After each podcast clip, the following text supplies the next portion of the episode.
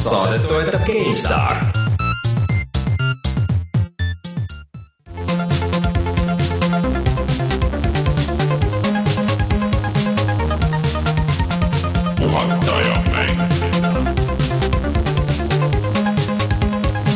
tere tulemast, on reede, kuues aprill ning te kuulate saadet Puhata ja mängida.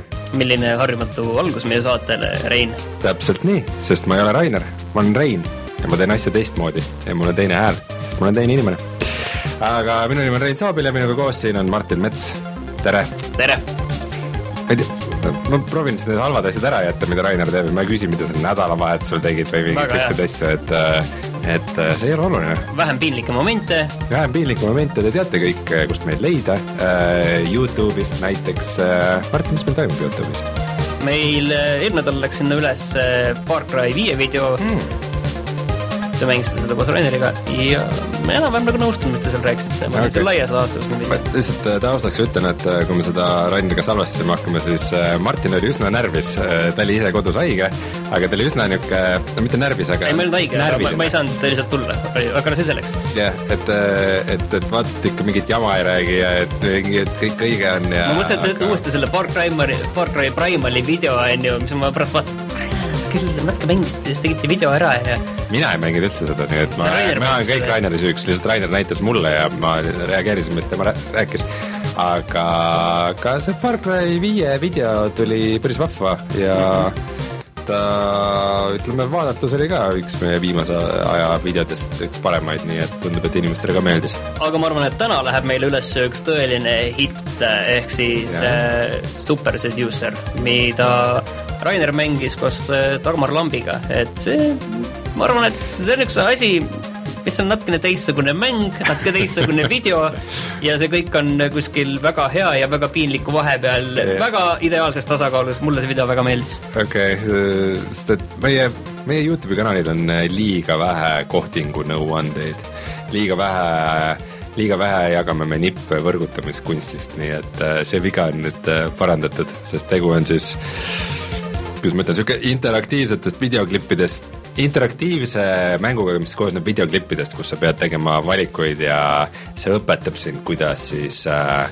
kuidas siis kohtuda ja suhelda vastaspoolega, just siis meesterahva silme läbi, et äh, kuidas siis tütarlapsi kutsuda kohtingule ja mis sellel kohtingul teha, et asjad vette vedama ei läheks, aga noh, mis selle kõik teeb muidugi veidi veidraks, on see see härrasmees, kes on selle, kes on selle peategelane, kes äh, peab ennast äh, suureks võrgutamistšempioniks, aga, aga kas see ka tõele vastab, et noh, sellele küsimusele selles videos proovitaksegi vastust leida.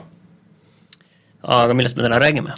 millest me täna räägime, tõepoolest äh, meil on, äh, meil on mõned uudised, kõige suuremaks neist kindlasti on see, et me saime natukene rohkem nüüd teada äh, Spider-mani mängu kohta, et äh, kõik me tahame olla ämblikmees, aga mängudes ei ole selleks tükk aega olnud head võimalust.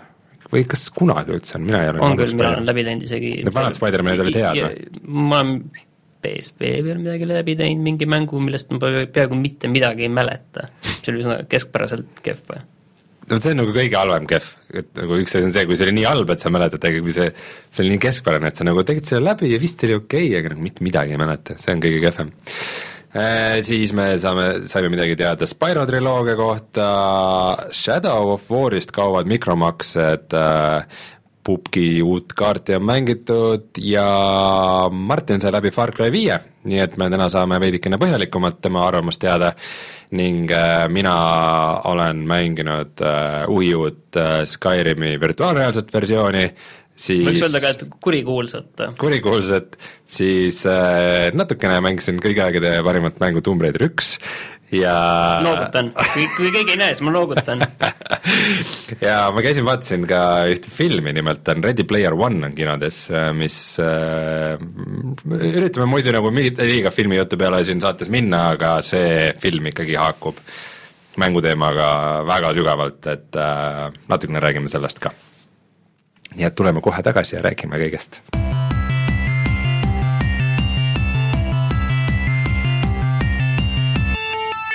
uudised.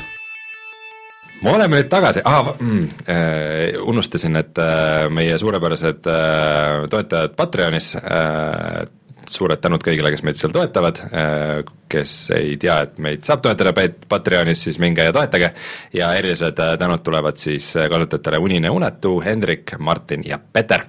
ja nüüd läheb saade veidike väiksemaks. Ma raudselt unustan selle kohe välja lõigata, nii et äh, olge, olge valmis audiosaate inimesed. see on väike easter egg, praegu. Easter egg'id olid muidu Ready Player One'is. kusjuures ma tahtsingi su käest küsida, et kuidas äh, sulle aprillinaljad meeldisid, sest aprill ju tuli pärast seda eelmist saadet. aa, jaa, jaa, jaa, tead, see kuidagi nii palju oli neid see iga aprillinalju. aastaga läheb kuidagi tuimemaks ja see on praegu, sellest on saanud mingi tüütu kohustus lihtsalt nagu firmade jaoks, et pange esimesel aprillil mingisugune väike joke sotsiaalmeediasse, et äh, peamine joke see aasta oli siis see, et äh, meie mängus on nüüd Battle Royale'i mode ma arvan, et ähm, ainult sellised naljad, mis nagu ka päriselt on tõsi, enam nagu toimivad üldse esimesel aprillil.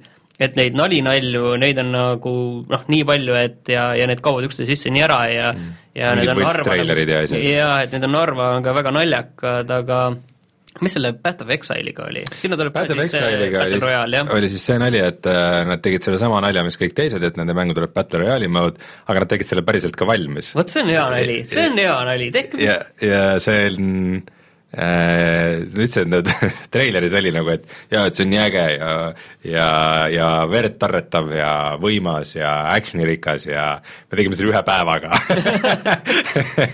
Et, et see, et nad selle ühe päevaga sinna kokku klopsisid, on muidugi päris naljakas, aga ma isegi ei ole kindel, kas Path of Exile'is enne oli üldse player versus player, et ma ei tea. Aga. Path of Exile tead jah, aga täiesti võimalik, et kes siis ei tea, siis see on selline tasuta mäng, mis on selline Diablo-laadne. ta on jah, ütleme kõige diablolikum, mitte Diablo kõlab mäng. nagu mäng, kuhu Battle Royale sobib nagu ideaalselt. võiks sobida jah, aga noh, kui ta muidugi PVP jaoks ei ole tasakaalustatud, siis ega seal nagu pikka mängimist ei ole, aga natuke aega võib lõbus olla, aga noh, see on niisugune nali, mis võib äh, lõppeda sellega, et äh, see saab nii populaarseks, et nad et nad otsustavad, et äh, kuulge, et äh, midagi pole parata, et see pidi küll nali olema, aga kui nagu mängijate hulk kasvas viis korda, et äh, siis me peame nagu selle ära tegema. et aga ma nüüd ei ole uurinud peale seda, et kas see siis jäi sisse või mitte.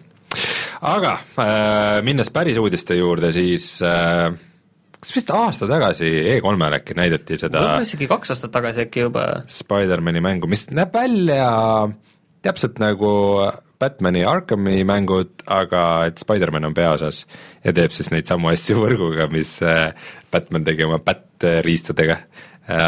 Ja nüüd meil üle pika aja on nagu väravad avanenud ja oleme veidike infot selle kohta saanud ja mis on kõige suurem uudis, on see, et see on PlayStation nelja eksklusiivmäng. see oli uudis juba varem see oli varem teada või? ja aga nüüd me teame, et see tuleb seitsmendal septembril välja. seda me ei teadnud, aga oota, ega see arvutile ei tule siis üldse või? ei, et ei ole nagu konsooli eksklusiivne, vaid ta on nagu täitsa eksklusiivne. see on küll kurb. aga seda siis teeb Insomniac, kes on teinud need Ratchet and Clanki mängud ja ja siis selle veidralt hea minu meelest on see Resistance'i äh, FPS seeria PlayStation kolme peal, sul ei võta seda ette, aga aga see on selline kuulnud. üks selliseid, ta oli päris hea ja omapärane selline, selline äge, minu meelest nad ei ole varem nagu päris sellist avatud maailma mänge teinud selliseid mm. et aga ma ei tea, mul nagu vaat see tegelasena Spider-man mind pole nagu kunagi nagu eriti kõigutanud, pean tunnistama. kuidas sa saad nii öelda?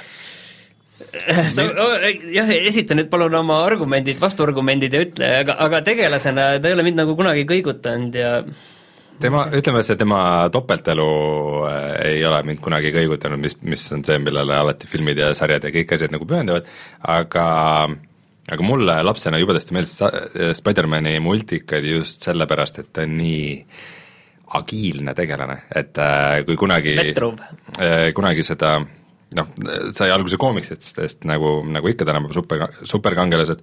Ja siis äh, mäletan kuskilt kunagi lugesin, et äh, selle koomiksi puhul oli nagu idee, et nagu igas nagu pildis või siis nii-öelda paneelis, koomikse paneelis äh, alati, kui Spider-mani on kujutatud, see peab alati olema mingis täiesti ebaloomulikus asendis kuskil seina küljes tagurpidi jalad üle pea, et ta ongi niisugune tema juures on jube äge minu meelest see, et, et, et kuidas see füüsiline osavus või nagu liikuvus, mis tas on ja ma arvan, et see mänguna võib olla ka väga äge, kui, kui see on hästi tehtud, aga aga kuidas sulle need esialgsed materjalid ja ei ta näeb äge välja ja selles mõttes, et vaata, Spider-mani äh, tehniliselt kogu see võrgu äh, loopimine ja see sobib nagu avatud maailma mängu nagu ideaalselt mm, -hmm. see annab sellist liikumist väga hästi juurde, mis tegelikult on need äh,, kujutan ette, et selline see on natukene, ma kujutan ette, selline Sucker Punchi nagu Infamous, nagu selline maailm ja selline voolav liikumine seal ja kõik on loogiline, et sa saadki majade otsa minna, majade mööda maja külgi igalt poolt niiviisi liikuda mm. ja see ei ole niiviisi, et miks ta seda teha saab ja see on kuidagi veider, vaid see ongi selline voolav mm. -hmm. ja ma arvan, et see võib olla nagu äge, aga aga noh, ma ei tea, tema ta, ta, see on vaata kahtlemata nagu oluline mäng, aga, aga mul nagu noh, ta isiklikult nagu, ta ei kõneta mind mm. selles mõttes. ma arvan, et see võib lühidalt kokku võtta, et see on äh, Arkham, Arkham City, aga päeval põhimõtteliselt vist jah, kusjuures seesama Insomniac tegi ka näiteks Spyro mängud mis on siis äh, PlayStation ühe peal, olid 3D äh, selli-, olid kahe peal ka, kahe peal, kahe peal vist pigem, kahe peal jah, olid need 3D platvormikad mm, -hmm. millest nüüd tehakse uusversioonid ja see vaevalt, et kokkusattumus nüüd on. et nüüd just sel nädalal ka välja kuulutati, et need tulevad kõik kolm osa uuesti, nagu kõigist nendest äh, vanadest PlayStationi kangelatest, et tehakse uusversioonid, siis nüüd on Spyro the Dragon. Spyro, ma saan aru, on sinu jaoks mingi eriline tegelane? ei ole, absoluutselt, ma saan aru, et paljude jaoks ta on nagu lapsepõlvest väga oluline tegelane, aga minu jaoks absoluutselt ma ei ole ühtegi neist mänginud, pean tunnistama. okei okay., mulle natuke tundub, et see on nagu üks neist seeriatest, millest te Raineriga olete kogu aeg rääkinud ja mille, mille ajal minu aju välja lülitab, aga ju siis mitte ju siin on ainult Rainer rääkinud ei, ma isegi ei tea, kas Rainer on, aga see Spyro on kuidagi nagu mööda läinud, et ma olen alati olnud pigem selle, selle Ratcheti ja Clanki äh, tüüp mm -hmm. nagu, kellel need sobib, kuigi need on samasugused, sellised värvilised väiksed multikalikud tegelased ja kangelased, siis äh, see väike draakon, lilla draakon, ma ei tea. Samamoodi nagu Spider-man, ta ei ole mind kunagi kõnetanud, noh, sama, aga see on kindlasti väga hea, et see tuleb äh, ja see tuleb, selles mõttes on hea, et see ei ole kunagi varem tulnud teistele platvormidele minu meelest, aga nüüd see tuleb nii PlayStation neljale kui Xbox One'ile ka. Okay.. kuna see õigused on Activisioni käes, samamoodi nagu sellel äh, Crash Bandicootil okay.. et samamoodi tu-, tuleb, et et kindlasti on tore, et see tuleb, äh, ma vaatasin seda visuaali, Rainer tõenäoliselt ütleks selle kohta, et see kuidagi näeb nagu vale välja ja ei sobi, ma arvan, aga ma ei oska öelda, see on selline värviline, ümar ja ilus tegelikult, et äh, isegi väga värviline, ma ei tea okay.. aga noh, tore, et tuleb ja see tuleb samamoodi septembris, et see ei ole kokkusattumus jälle. aga vähemalt sul on, äh, PC-mehel on ka üks hea uudis. Mis hea uudis see on? sul on lihtsam valikuid teha, sa ei pea enam Steam Machine'i ostma asjad võib alati spinnida vaata positiivseks. no see on, põhimõtteliselt see on surnud asjale niisugune järelhüüa, aga aga siis äh, Valve, äh, kes on meie suurepärane Half-Life'i mängude tegija ja ja enam mänge ei tee peale seda, kui nad oma Steamiga rikkaks said, siis nad vahepeal äh,, vahepeal päris nagu tõsiselt äh, üritasid äh, teha niisugust arvutikonsooli nimega Steam Machine, ehk siis, ehk siis eraldi niisugused arvutid, mis sa saad nagu täispaketina osta valmis lahendusena ja seal jookseb ainult Steam ja sa paned seal elutoas oma teleka külge, aga sul on seal tohutu mänguvalik, nagu Steamiga on. ühesõnaga, mis siis tegelikult muidugi Valve tegi, on Valve tegi selle Steam OS-i ehk Oma siis eh, Linuxil põhineva operatsioonisüsteemi mm. ja siis palju kleepekaid, Steam Machine, mille siis eh, teised tootjad nagu Dell ja Acer ja kes neid tegid, eh, said enda arvutitele peale lüüa, kleepida ja siis selle Steam OS-i sinna installida peale ja siis see oligi Steam Machine ja.... sellel ei olnud väga kindlaid selliseid tehnilisi näitajaid nendel. võib-olla, ma ei mäleta, võib-olla oli mingi miinimum ka paika pandud, aga, aga noh, põhimõtteliselt see oli mingi masin, millel oli see kleeps ja SteamOS peal. minu meelest see oli lihtsalt algusest peale kohutavalt halb idee nagu, et et oo oh,, et sa saad osta mulle arvuti, aga kuna sa arvutiga niikuinii kavatsed ainult mängida, siis sa ei saa mitte midagi muud selle peal teha. miks ma peaks ostma mulle arvuti, millega ma ei saa mitte midagi muud teha? seal sa dual boot'i, dual boot'i saad teha ju ka, et Windowsi panna peale ja mis see, mis selle kõige point on nagu SteamOS-i, okei okay,, ma saan, ma ei tea, viis, viis protsenti äh, mingit seda oma frame rate'i kiiremaks. ei saanud, vastupidi sellega ei saanud seda ka või?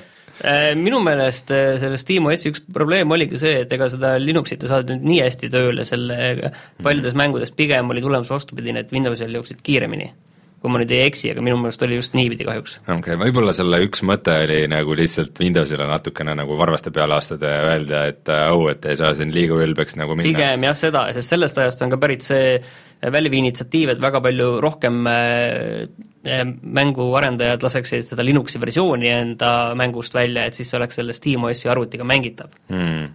aga äh, jah, eks siis põhimõtteliselt see Steam Machine'ide nüüd juhtuski see, et see Steam Machine'ide kategooria kadus Steamist ära ja selle peale ta ei kadunud ära, ta kadus vaata esilehelt ära ja sellega sai veel see nali, et ta kadus esilehelt ära ja keegi ei pannud seda tähele.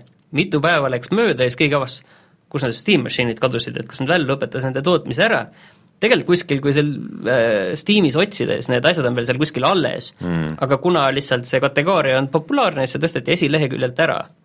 ja millega noh, Valve andis ka mõista, et ega ega kahjuks need masinad ei ole populaarsed ja keegi neid ei osta. samuti see Steam'i pult nagu ka, et äh, mis selle nimi oli?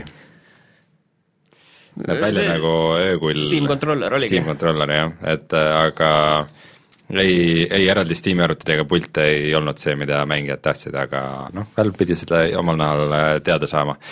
Et äh, aga ma ei tea, kogu sellest nende uurimustööst ja jandist riistvaraga sündis välja ATC Vive, nii et midagi head sealt ikkagi tuli aga veel midagi head tuli eelmise aasta suurest äh, hasartkastide jamast, nimelt äh, orki tapmismäng Shadow of War äh, kaotab need täielikult ära, nii mikromaksed kui hasartkastid.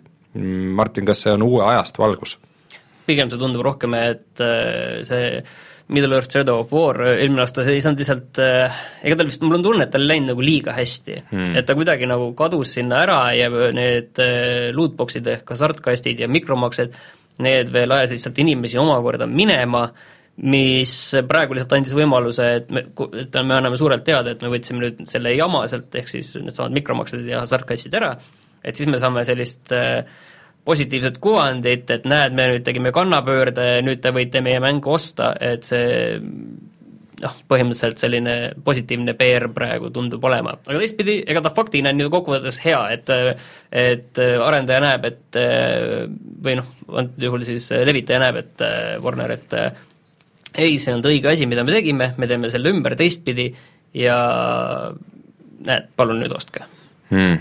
Sinul on see olemas, aga sa ei ole selle mänguni siiamaani veel jõudnud. Ah, ja vaadates praegu oma nimekirja mängudest, siis ma ei tea üldse, millal ma jõuan, aga mm, ma ei tea, see hiljuti nagu Battlefront kahest ära kadusid lootbox'id ja või nad vist kuidagi on, aga mängu enam ei mõjuta vist, ainult kosmeetilised. ja samamoodi on selles Shadow of War'is tegelikult ka mingid lootbox'i mingid variandid olemas, aga need ei ole seotud päris rahaga. Okay. jah, jah, et, et nad on seal kuidagi nagu olemas, et saad mingeid asju sealt ikkagi saada, aga aga need ei ole jah, enam seotud sellega. et samuti lisaks nende, nende kastide kaotamisele öeldi, et nad natukene teevad ümber seda mängu lõppfaasi, mis koosneb siis peamiselt nende kindluste ülevõtmisest, et ähm, see pidavat praegu olema päris aeglane ja niisugune tüütu et ähm, võib-olla siis, kui nad need asjad on korda saanud, siis on nagu õige aeg sinna mängu sisse hüpata. kusjuures kokkusattumusena siis äh, ma just tegin Far Cry viie läbi ja siis ma käisin veel seal Far Cry viie maailmas kõvasti ringi ja siis ma mõtlesin, et ah, aga miks ma seda mängin, ma võiksin parem võtta ette selle, siis tuligi see uudis, et see, need hasartkastid kaovad ära sellest Shadow of War'ist, aga miks ma ei võiks seda Middle Earth äh, Shadow of Mordorit lõpuni teha. Ja siis ma võtsingi selle ette ja nüüd olen mõned tunnid sinna juurde pannud, et see läbi teha, et äh, seda esimest osa siis? esimest osa jah, mis mul on pooleli olnud äh, aegade algusest peale. okei okay., no väike, väike spoiler, see lõpp on päris igav no, see lõpp on nagu halvim osa mängust kindlasti, see on päris tuim ja aeglane no ei, ma saan aru, see on see Nemesis süsteem, see on nagu seal põhiline ja, ja Brett ise rõhub ka praegu sellele ja sellele nii-öelda põhimissioonide läbitegemisele, aga noh, praegu see Nemesis, see süsteem, ehk siis sul on see, kuidas need vastased sulle tekivad, pluss see põhimissioonid ongi praegu kokku läinud niiviisi täpselt ühte kohta, kus sa pead kõik need kaptenid maha võtma mm.. Mm. aga, aga üldiselt ma arvan, et see on nagu äh, väga, väga hea uudis ja kindlasti hea uudis kõikidele koolidele on see, et Fortnite on nüüd iPhone'i peal ja iPad'i peal mängitav, nii et sul enam ei ole kutset vaja. Et see on täiesti avalik? jah, et äh, lihtsalt ah. tõmmake alla, varem sai selle alla tõmmata, aga sul oli vaja ikkagi see kutse kuidagi seal aktiveerida, et Rainer rääkis ka, et ta tõmbas alla, aga ta ei saanud nagu käima panna, et see on suurepärane, et äh, Wise'is oli väga hea lugu sellest, et kuidas koolid äh, mõjutavad äh,, kuidas Fortnite mõjutab koole ja koolid mõjutavad Fortnite'i mm.. et kuidas äh, kuidas see nagu ühtepidi äh, noh, segab muidugi tunde, on ju, kõik, kui keegi mängib Fortnite'i ja kui sa hakkad, ma ei tea, vahetunnil Fortnite'i mängima, no siis ei saa ju niiviisi, et sa nüüd paned selle kinni, kui sa oled seal kümne hulgas seal sees, on ju, et mm., et see tekitab nagu kõvasti probleeme, aga teistpidi see on kuidagi omavahelisel see selline noh, sotsialiseerumisel kuidagi nagu kasuks tulnud et mingid need tüübid, kes varem olid seal, aa, sa oled see nohik seal nurgas, on ju mm, -hmm. siis see on nüüd mingi Fortnite'i staar ja siis jagab äh, nendele popidele õpilastele ja jagab nippe, kuidas Fortnite'i mängida, et see on kuidagi kuidagi nagu Fortnite on olnud ka inimeste ühendaja koolides väga omapärasel viisil. et õpetajad on vaadanud, et midagi on nagu täiesti nagu muutunud meil siin et klassis, et kuidagi kuidagi kõik on nagu kuidagi ühtlustunud ja sõbrunenud, et väga, väga veider hmm,. Nii et meie kuulajad, kui te tahate koolis olla populaarsed, siis mängige väga hästi Fortnite'i ja olete kohe kangelased jah, aga seal oligi see, et paljud olid niiviisi, et äh, jälle noh, seal olid nagu erinevad kogemused, kuidas õpetajad ise rääkisid, et kuidas nad näevad nagu õpilasi ja Fortnite'i. Et äh, üks tüüp näiteks oli, kes äh, põhimõtteliselt nii koolist koju jõudis, pani Fortnite'i käima ja niikaua, kui ta noh, pikali kukkus põhimõtteliselt ja siis ta ei suutnud tundides nagu äh, absoluutselt silmi lahti hoida. ja mm -hmm. siis õpetaja tegi temaga kokkuleppe, et, et kui ta suudab mingi äh, mingi aine ära teha, siis ta mängib taga seal äh, semestri lõpus Fortnite'i koos. ehk siis kõik õpetajad peavad äh, õppima Fortnite'i selgeks, et üldse nagu suuta mingit nagu äh, vestlust pidada Fortnite sotsiaaloskus, millest koolis. nagu vist ei pääse enam varsti mm., et Fortnite on ainult Fortnite ja Fortnite kõik. aga millal siis Androidi versioon tuleb? ei tea veel täpselt, aga ma arvan, et arvestades selle kõige Fortnite'i populaarsust, siis tõenäoliselt pigem varem kui hiljem mm. -hmm. et äh, nüüd on isegi Fortnite nii populaarne, et isegi pubki tulevad juba Fortnite'i need eh, erinevad asjad, mis, mis Fortnite'iga populaarseks, nagu see näiteks, et sa saad seda, kes su maha laskis, seda saad jälgida pärast edasi, niikaua kuni mäng lõpeb. aga kas ma nüüd pean, kas ma nüüd pean siis selle Super Mario ette võtma või? jah siis me tegime nimelt Raineriga saates kihlveo, et äh, ma ütlesin, et selle aasta esimeses pooles ei tule mingil juhul äh, see Player Unknown Battlegroundsi uus kaart avalikuks, aga ta tuli ja praegu on alles aprill, aprilli keskpaik, nii et äh, nii et äh, Bluehole suutis mind üllatada. see ei ole vaata ikkagi avalik, sest on praegu ainult äh, Sinna kutsetega. kutsetega, aga, aga neid kutseid vist noh, saab nagu ikkagi avalikult mingilt saidilt, et nagu yeah. lihtsalt sign up ja siis seal loositakse nende vahel välja, et ähm, põhimõtteliselt on nagu niisugune poolavalik ja ja see on siis palju väiksem kaart, selle nimi on praegu, mis ta oli, Codename Savage yeah., väga veider nimi ja selle tagasiside on olnud päris positiivne.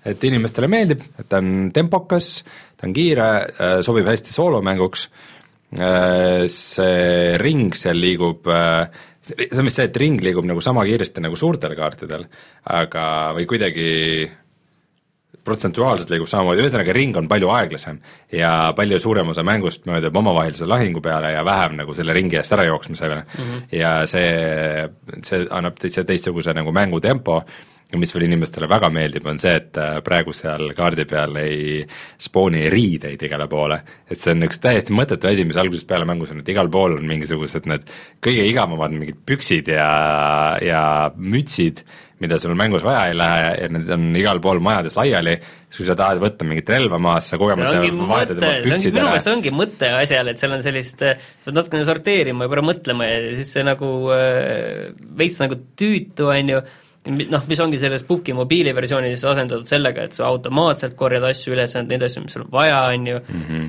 et äh, ma arvan, et see ongi tegelikult ikkagi üks osa sellest Puhki võlust, et sul on äh, sul on mingid asjad, mida sa tead, et äh, sa kunagi ei puutu, sa ei pane seda roosat särki endale sihtmärgiks selga, on ju, aga, aga lihtsalt, et muidugi väga, väga hea mõte käis kuskil Redditist läbi, ma ei olnud varem kuulnud seda, et äh, kõik riideesemed, mida sa mängus leiad ja oma selga paned, kui sa võidad, sa võid need alles jätta.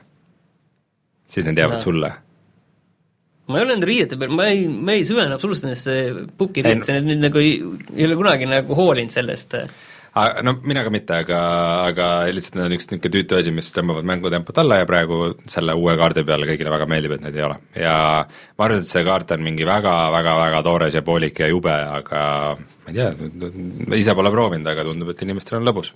vähemalt ma arvan, et äh, kihlveo kaotuses võid sa jällegi süüdistada Fortnite'i. et Fortnite on süüdi selles, et jah. pubgis äh, asjad liiguvad, mitte ei seisa paigal eks ma pean selle Mario siis omal välja otsima, selle Nintendo Entertainment süsteemi peal, mini-NES-i peal ja, ja siis läbi mängima. aga kaks meie lemmikmängu tulevad erinevatele konsoolidele, mis varem on olnud äh, arvuti peal, tegelikult Firewatch on olnud tegelikult nii PlayStation nelja kui Xbox One'i peal aga nüüd tuleb ta ka Switch'ile, kindlat kuupäeva veel ei ole, aga Firewatch on väga hea mäng metsavahi dünaamilisest elust ma, ma sõnastaks okay. selle nimi, tegelikult see on selline mitte isegi metsavahi, vaid tulevahi?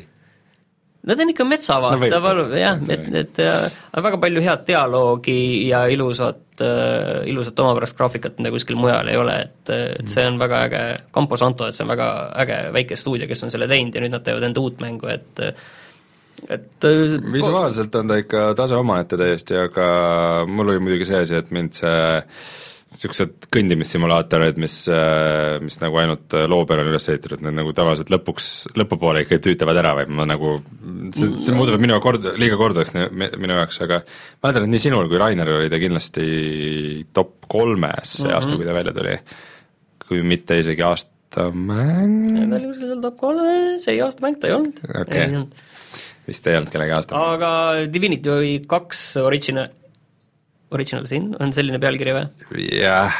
sina mängisid seda, mina ei pea seda pealkirja teadma. mul lähevad alati sassi need. Äh, see tuleb äh, konsoolidele siis ka PlayStation neljale ja Xbox One'ile, mis sa arvad, kui, ähm, kui mugav seda on konsooli peal mängida hmm.? ma arvan, et hea tahtmisega on see võimalik, aga ma ei tea, siiamaani nad on nagu kõik hästi teinud, et äh, äkki õnnestub see konsooliport ka, see oli see eelmine aasta minu top kolmes number kaks mäng, kui ma õigesti mäletan niisugune pealtvaates ähm, rollimäng, üldse mitte lihtne mäng, mida oli väga mõnus mängida kellegagi koos, just et nagu sa saad seal neljase grupi koos teha, et PC peal sai isegi nagu split screen'is mängida, et kui nagu kui nagu konsoolil saab ka ühe ekraani taga kaheksa mängida sellist mängu, siis see on vapustav, see on väga äge. neljakesi, mõtle, mängitakse rollimängu koos niimoodi suure mingi teleka, 4K teleka peal, mõtle kui äge see oleks. kusjuures natuke sarnasel teemal, et äh, ma ostsin ära Surviving Marsi. Okay.. et äh, see on siis Tropico tegijatelt uus kaks nädalat tagasi välja tulnud strateegiamäng. Ja see kuulutati välja, minu meelest kas oli Microsoft kuulutas selle välja E3-l e, enda pressikonverentsi raames, et nüüd tuleb selline mäng nagu Surviving Mars, see on Marsi koloniseerimise simulaator, sa ehitad sinna baase ja kõike ja kõik see jättis sellise mulje, et see on selline äh, konsooli strateegiamäng, mis on selline noh, nagu nad ikka on. oota, sa ostsidki konsooli peale selle? ei, ma okay. ostsin selle ikkagi arvutiversiooni. et äh, sest ma natuke selle kohta uurides sai selgeks, et see on ikkagi oluliselt sügavam mäng. ja ma ei kujuta ette, kus on väga palju mikromajandamist mm. -hmm. et ehitamist, täpsust äh,, nende erinevate hoonete ühendamist elektriga ja sellist tohutut mikromajandamist.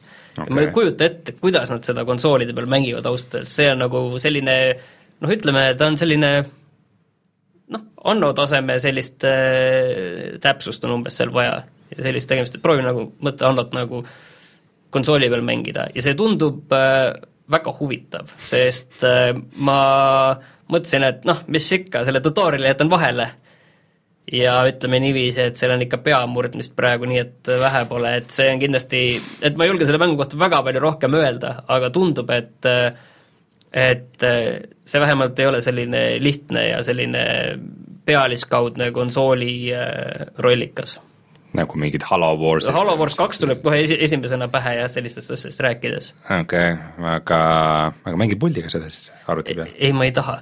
ja ma uurisin ka, et kuidas siis inimesed räägivad, et kuidas, kuidas seda konsooli peal mängida on, siis nad ütlevad, et ei noh, paar tundi harjutad ja siis enam-vähem juba läheb nagu libedalt ja kiiremalt. ma kujutan ette, et seda on kuidagi võimalik hästi nagu ka lahendada, et umbes sa valid, valid mingi maja ja vastavalt sellele sul on mingi erinupud teevad seda, seda või seda või ja selle Steam'i puldiga, jah.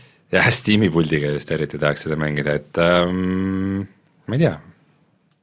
Ma ootan sinu muljeid järgi. jaa, see nõuabki natukene must, natukene rohkem aega, et sellest elada, mitte mingit sellist äh, Far Cry viite, et äh, pult kätte ja lähed ja tagasi ei vaata. Hmm.. aga, aga see ikka nõuab, et sa ikkagi süvened sada protsenti sellesse, mis sa teed okay.. aga kas uus World of Warcraft, kas sinu jaoks on juba, see rong on juba ammu läinud või? ma kardan, et minu jaoks see rong on läinud, et, äh, et see vana World of Warcraft huvitab mind rohkem, et millal see vanilje versioon välja tuleb või siis kas nüüd classic servers, et millal see välja tuleb, siis äh, see on huvitav, aga selle järgmine lisapakk, äh, me nüüd teame selle väljatuleku kuupäeva, see on neliteist august, et keset suve tuleb.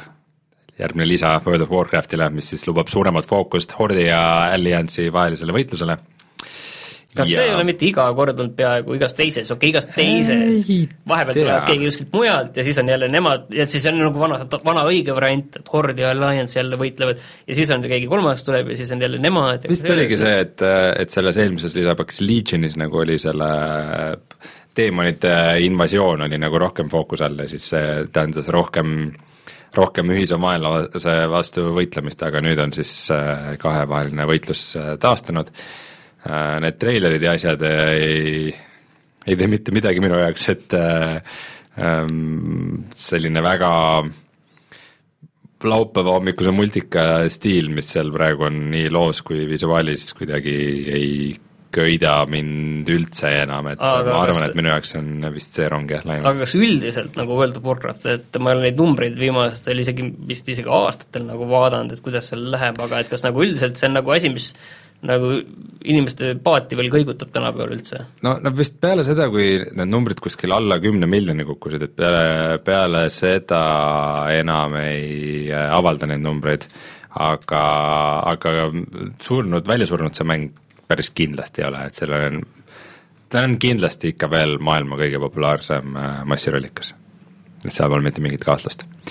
ja inimesed maksavad jätkuvalt igakuist tasu selle eest, et seda mängida. ma praegu näen siin mingit statistikat, mis ütleb, et praegu võiks olla viis, viis ja pool miljonit mängijat ja aga see langeb vaikselt aastaks kaks tuhat kakskümmend kolm nelja koma neljakümne kuue miljoni peale, et väga täpne ennustus kuskile viie aasta peale. veidralt täpne ennustus põhimõtteliselt nagu iga, iga expansion on selle lisapakk. iga lisapakk on nagu nii oluline World of Warcrafti jaoks, et vastavalt sellele, et kas see inimestele meeldib või ei, on see, et kas see läheb positiivseks või negatiivseks, et ma saan aru, et Mists of Pandaria oli nagu niisugune väga polariseeriv eh, osa, kus, mis kust paljud inimesed läksid ära, et, et aga siis hiljem nagu tulid jälle juurde ja eks see pidevalt, noh, eks see nagu kõver jälle iga, iga uue lisapakiga nagu läheb üles ja siis läheb jälle alla, aga see, kui hästi see inimestele meeldib, on iga lisapakiga väga erinev, et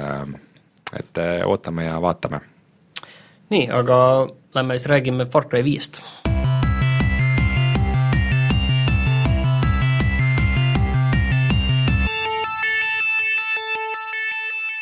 Martin, räägi meile Far Cry viiest.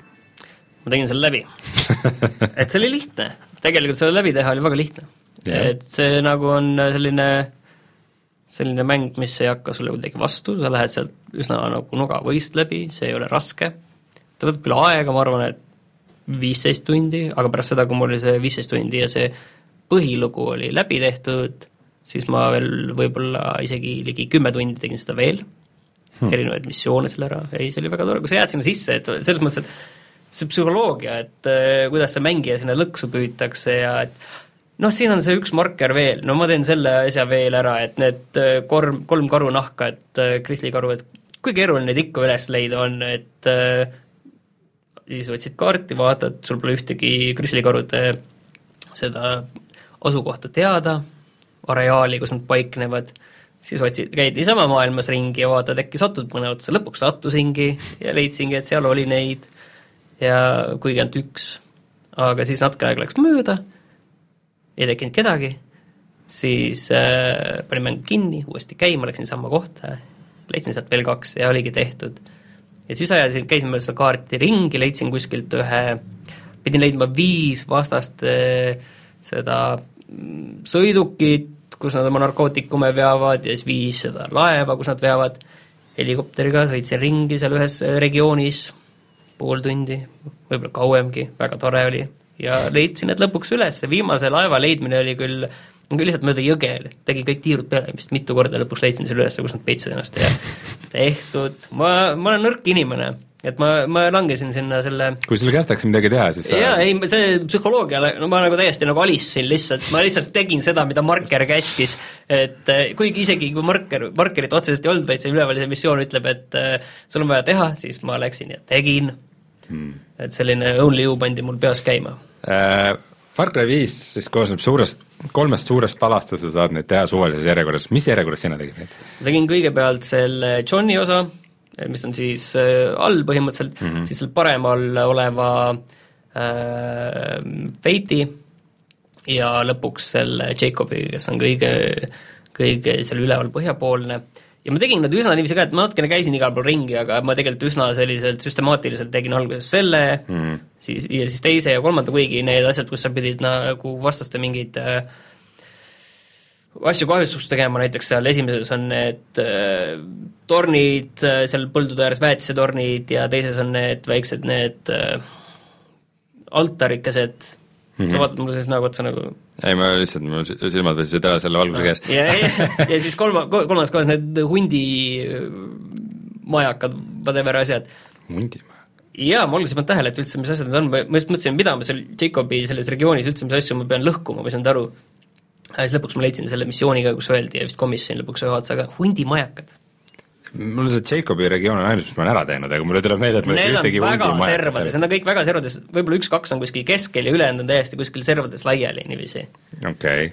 ja, ja ma alistusin ka sellele, ma tegin ka need ära, et äh, et ma isegi kaalusin nagu kõikide trofeede ärategemist, äh, et seal äh, mingid asjad läksid mul natuke nagu raskemaks, kuna maailm on vastastest üsna tühi mm. -hmm. ja mul on nagu mingid lollid asjad tegema, näiteks nagu traktoriga viis vastast alla ajamata okay.. ja siis ma mõtlen, okei okay,, traktori, aga kus nüüd need vastased kõik on? mitu tsiviilisikut sa alla ajasid sellega? ja, ja seal peab, pulli peab äh, käsitsi ära tappa. aga ühesõnaga ma loobusin sellest, et see trofee kokku hoida, sellepärast et seal on ka mingid sellised asjad umbes, et sa pead tohutult seda arkaadi ja mitmikmängu mängima selle jaoks, et see mm. kätte saada umbes tapa mitmikmängus sada tüüpi, et see on umbes noh, tund-poolteist seda tohutult halba mitmikmängu mängida, no see on täiesti mõttetu, need isegi selles asjas, et sa mängid isegi seda mitmikmängu nendel nii-öelda kasutada tehtud kaartidel, ma siis mängisin juhuslikult sattus mulle Dust kaks CSGO kaardi järgi tehtud mingi kasutajakaart, väga halvasti mm. oli tehtud, kohutavalt halb. ja see mäng kõik nüansid olid valed? kõik, no ütleme niiviisi, et äh, et no seal oli ikka noh, aimatav oli, on ju, et sarnasused aimatavad, et mm. aga, aga noh, isegi sellised suuremad detailid olid mööda. aga no see selleks, aga lihtsalt see mitmikmänguna ta ei ole hea mäng, lihtsalt valid klassi ja lihtsalt see oli tapmiste peale ja, ja tohutult auto-aim'i ja, ja selline noh, ta, ta ei ole nagu see mäng, on ju, et, mhm. et üldse minu arust sellist mitmikmängu mängida ja seal ja siis seal oli veel mingit arkaadi peab nii palju mängima, et, et ma loobusin, pluss siis mingi tohutu hulga asju pidi ka veel äh, okei okay,, see ei polnud võib-olla nii tohutu, aga mingi viis missiooni äkki pead koostöös tegema ja siis ma tõstsin käed üles, ütlesin ei, ei, ei, see ei, ei ole mõeldav. see, kõik, kellega ma olen nagu rääkinud sellest mängust, ütlevad, et nad alati mängivad äh, seda nagu üks ala korraga või kõik teevad nagu järjest, et nad lähevad ühte alasse, teevad selle ära, siis liiguvad edasi äh,. Minu nõuanne kõigile, vist ma ütlesin seda juba eelmine kord ka, aga jätkuvalt on see, et äh, et äh, ärge jääge ühte regiooni kinni nagu, vaid äh,, vaid ma olen süstemaatiline inimene. pange, pange ringi ja see mäng minu meelest toimib paremini, kui selle lähenemine aga tead, aga, aga kaootilise lähenemise juures, mis mulle ei meeldi, on see, et need regioonid tegelikult on suht lukus, sellepärast et kõik need näiteks põhimissioonid ja need, et kui sul nüüd siin on missioon, siis see missioon ei lähe teise regiooni mitte kunagi. see mm. missioon jääb alati sellesse regiooni yeah., ükskõik, kas see on kõrvalmissioon see on imelik valik nagu. on, et ta, ta nagu sellist asja ei, ei kasuta, et me lähme üldse välja, et see on avatud maailm, vaid minu meelest ei, mul ei ole ükski kõrvalmissioon läinud, mul ei ole tegelikult on olnud mingeid neid vaata, sa saad suvaliselt saad kellegagi kokku ja siis ta ütleb sulle, et aa, tead, et näed, seal on mingi asi, see, see, siis need teinekord võivad olla kuskil mujal, eriti kui mm. mujal on tegemata, on ju et siis, siis need võivad olla kuskil mujal regioonis, aga see, et põhimissioon läheks nagu regioonist välja, ei, ei välistatud. see, see on, see on imelik äh, valik, ma mõtlesin isegi, et see on nagu halb valik, sest et äh, tavaliselt just MMO-des ja nagu üldse ka avatud maailmades on see lihtsalt mingi väike missioon, mingi mine vii see pudel nagu sellele tüübile kuskil selle kaugel. ja siis sa korra käid seal ära nagu vaatad, ahah, oo, niisugune koht ka, ja siis sa mõtled, no ma teen paar missiooni nagu siin ka ja oot, nüüd ma lähen tagasi sinna see ongi halb, see mäng ise ei, ei soosi nagu missioonides käib ka, et mine sinna ja vaata, siis hakkadki vaatama, oo, siin on selline koht, on ju, ei ole mm., isegi need asjad, kus sa seal äh, ühes regioonis sa saad selle kaaslase, kes on sul see seksmaniak äh, daam, kes selle helikopteriga lendab, siis on see okay. mingi milf siis ta ajab tavaliselt milfit ja siis on see all see see lennukiga tüüp, on ju mm, -hmm. nendega ei lähe ka välja sellest missioonialast. tegelikult üks asi vist olid selle, selle, mul tuleb meelde, selle Feiti need äh, laevade konvoi mingi, see teeb vist tiiru kuskil seal nende keskpaigast läbi, kus ma juhuslikult sattusin nagu sinna keskpaika, mis tegelikult on nagu selline äh, otseselt ei ole nagu kellegi maal, võib-olla ta oli isegi veel Fate'i piirkonnas, aga no võib-olla kuskil, aga see on ka nii, nii piiri peal, et mm., et see, mhm. selles mõttes on veider, et see mäng seda ei soosi, ma ei tea, kas siin on mingi tehniline põhjus, ma ei usu ka, seda tuleb vahetada, ma ei tea.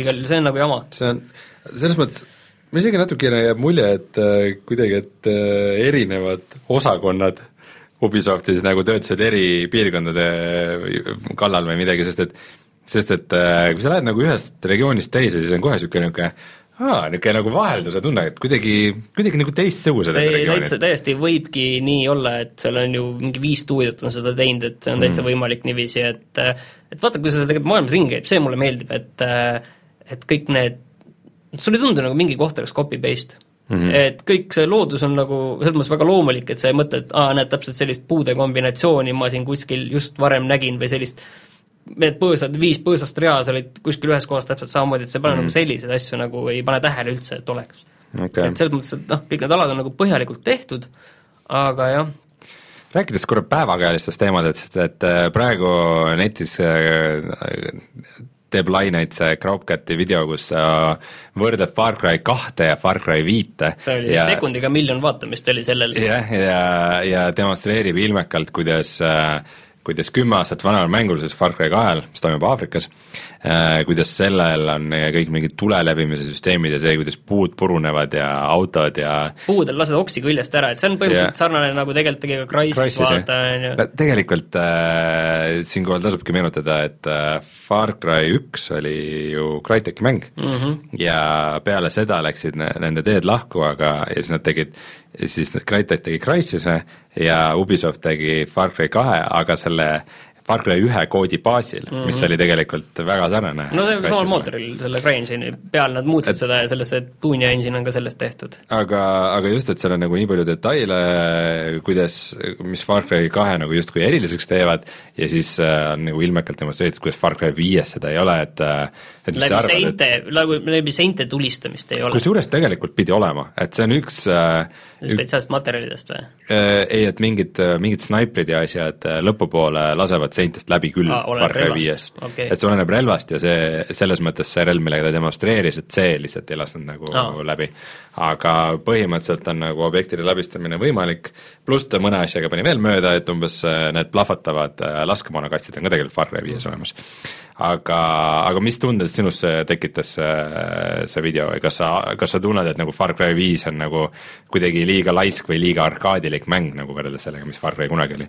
Ähm, ma arvan, et ega, eks see Far Cry viis on selles mõttes nagu valik, et on tehtud valikud, et, et värvilisem ja rohkem asju ja suurem maailm ja, ja noh, otseselt kilomeetritest ta ei su-, ole suurem, aga ta on kindlasti nagu seal rohkem erinevaid asju mm. -hmm. et nad on lihtsalt, kuskile tuleb see ressurss panna, ma arvan, sinna pannud, teistpidi on vaatad, et vau wow,, et see Far Cry kaks oligi nii äge või, et nii palju erinevaid asju sai teha ja oligi vastaste, mis põhiline, kõige põhilisem asi, mida häirib, on see vastaste käitumine. et Far Cry viies need vastased on ikka nii lollid, et see on nagu täiesti, täiesti kohutav. ja muidugi need äh, vanad head äh, hevid kõik nii, nagu olema peab, et need, see no ongi, et kõige, Far Cry selle viiega kõige parem osa on see, kus sa lihtsalt käid mööda seda maailma ringi mm, -hmm teed mingeid suvaasju, mis ette satuvad, vaatad, siin on missioon, ma teen selle lähema missiooni ära, teen selle outpost'i, võtan üle, et teen nagu seal avatud maailmas niiviisi äh, niiviisi loominguliselt ja ägedalt teen seda kõike, mida seal teha saab. Mm, -hmm. et see on nagu kõige ägedam osa.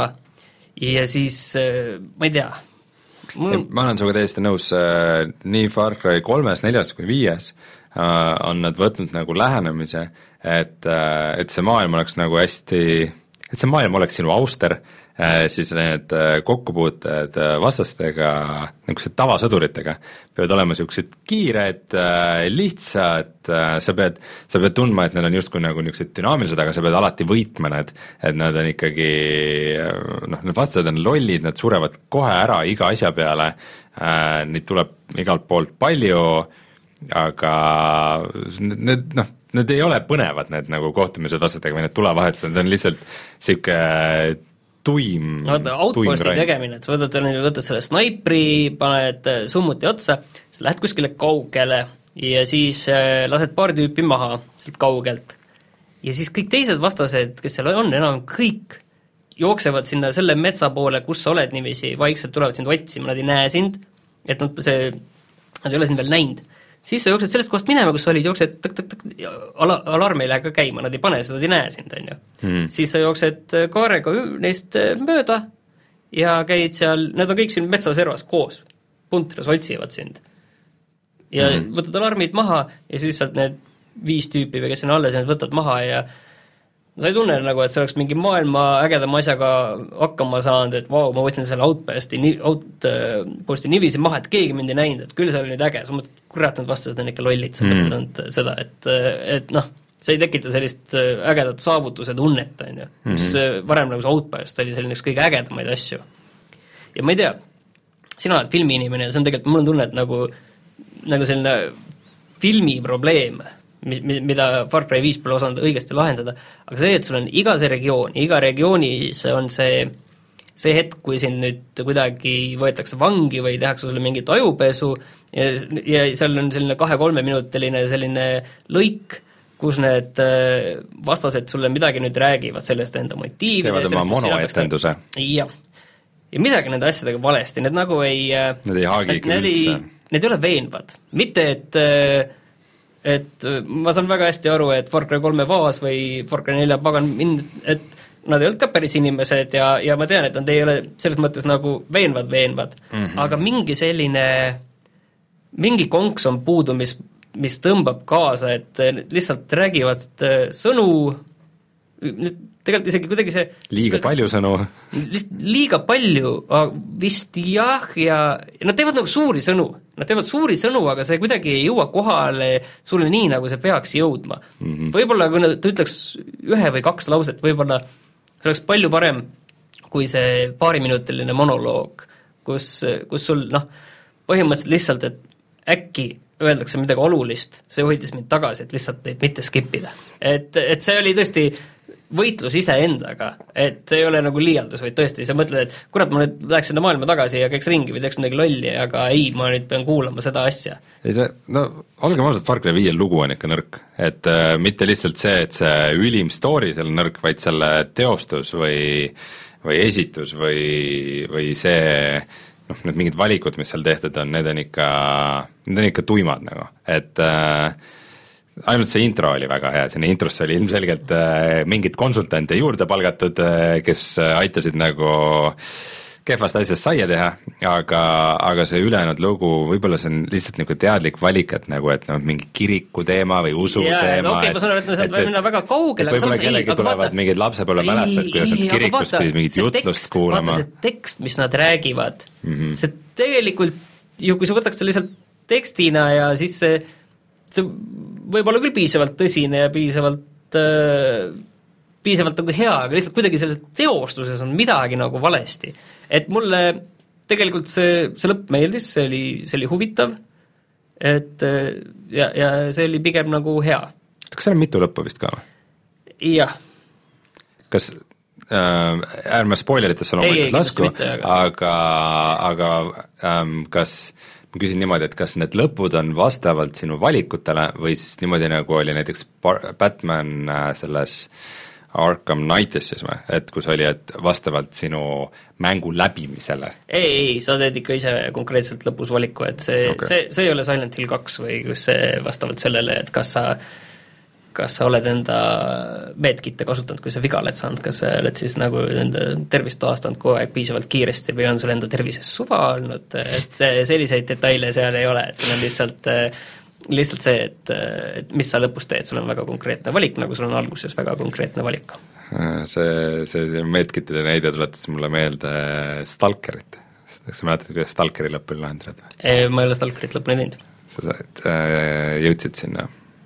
Kes ei tea Stalkeri lõppu, ma äh, üritan hästi kaudselt äh, spoil ida, et, et sa jõuad sinna tsooni keskpunkti või kuhugi, kus saab teha nagu ühe soovi. siis see tsoon täidab su soovi aga see, mis see soov on, on vastavalt sellele, mida sa mängus tegid okay.. aga, aga kuna mäng oli niimoodi üles ehitatud, siis enamasti kõigi jaoks oli seesama lõpp et see oli kuidagi väga, väga kohmakalt lahendatud. aga ühesõnaga, kogu see mäng, äh, et ta on kindlasti nagu nii ja naa, et ühtepidi, nagu ma ühtepidi mõtlen, siis äh, et eks see on mõnes mõttes nagu nii hea, kui nad said teha hmm., välja arvatud lihtsalt see loo veenvus on see kuidagi või mingi, mingi asi, see kaasahaarvus selles loos või mingi asi kuskil, seal on mingi, mingi konks on jäänud nagu panemata, mis nagu tõmbaks kaasa ja ja nagu selle sinu tähelepanu sada protsenti tõmbaks sellele. Kas sul oli ka tunne, et nagu ikka mingi viimane lihv või mingi, mingi väike ajahäda või midagi on nagu puudu või midagi on midagi ei, see tundub olema nagu mingi põhimõtteline valik kuskil mujal, mis on nagu tehtud põhimõtteline halb valik. nagu jah, et eks ta et internetis on palju ägedaid kihve ja videosid küll juba, mis hullus seal toimub ja mingeid vigadest päris palju bugisid ka muidugi. aga mul nagu nüüd väga palju ei olnud, midagi üht-teist oli, aga noh, avatud maailma mänge niiviisi ikka. ja teistpidi vaata, see ongi, kus tahad esimese isiku vaates eh, ikkagi üsnagi nagu kvaliteetset sellist avatud maailma mängu, siis noh, tõenäoliselt see praegu nagu ongi ikkagi parim, on ju, et ega, ega see seal noh, niisugune sa võid öelda, et mingi Far Cry nelja või parem no, kui GTA viis. Nad, need olid ikka samad mängud, pigem vaata, sa saad paralleele tõmmata, et selle Horizon Zero Dawniga, on ju, et see on mm. midagi, midagi sarnast oma mehaanikatelt kõik lõpuni välja arvatud, et see oli esimese isiku vaates, on ju, aga, aga mul on tunne, et jah, et siis ma küll seda ei mängi et ta, et ta on nagu vaata, noh, ühtepidi ütleb kõik juba see, on ju, et ma tegin selle läbi ja ma käin, tegin seal kümme tundi veel, on ju mm et see juba näitab ka, et mulle tegelikult meeldis seda maailma avastada ja mulle meeldisid need väiksed pusled, need prepper stash'id, et noh, need on sellised üsna lihtsad, aga sellised natuke nagu huvitavad ja natuke nagu teistsugust tempot. aardejahid. jah, sellised aardejahid, et eh, kuskil on mingi väike mingi füüsikapusle või pead midagi kuskilt leidma ja kuskilt kaarega tulema ja leidma ja seal on mingi vara, varandus väike ma isegi, ma isegi ei lahendanud seda alguse saare, seda pärast asja ära, pärast Oliver ütles mulle, kuidas see käib, aga ma kordagi tagasi ei läinud. aa, see oli see punk-, ülevõetud punker või? jah, täpselt. Et juba, juba ei, ei, tegelikult ei saa öelda, et ma alguses äh, seal äh, sujuva järjekindlusega sukeldasin sinna vee alla ja üritasin sealt vee alt punkrist leida seda lahendust alguses, et järjekindlalt, äh, kui ma olin seda vist mingi neli-viis korda teinud ja sain aru, et siin ei ole mitte midagi, siis ma sain aru, et võib-olla peaks kuskile mujale minema, midagi muud tegema. see on täpselt see teema, et nagu eri, eri eri mängu mängides, ma olen erinev inimene, et äh, kui ma mängin mõnda, no kui ma mängin näiteks äh,, mis äh, FTL-i tegijatele, Into the Breach'i, siis see on see, et ahah, nii, ma nüüd korra peatun ja mõtlen ja vaatan ja mõtlen, kuidas ma seda tegema peaks ja lahendama peaks. kui ma mängin Far Cry viite, siis see paneb sind natukene niisugusesse, niisugusesse kiire meelelahutuse meeleollu, et ma mingi äh, ma nüüd jooksen ja löön seda tüüpi ja viskan sinna granaadi ja siis äh, üle aia viskan lihatükki, et sinna tuleks mingi loom ja siis ma kutsun omale karu appi ja siis ma sõidan autoga sellest tüübist üle ja kõik plahvatab ja et see, kui ma seda mängu mängin, siis, äh, siis ma ei taha nagu tempolt maha võtta või ma ei taha nagu seda mingit, äh, mingit saladust lahendada. kuule, kas sind kunagi karu elustanud on või? jah. väga hea.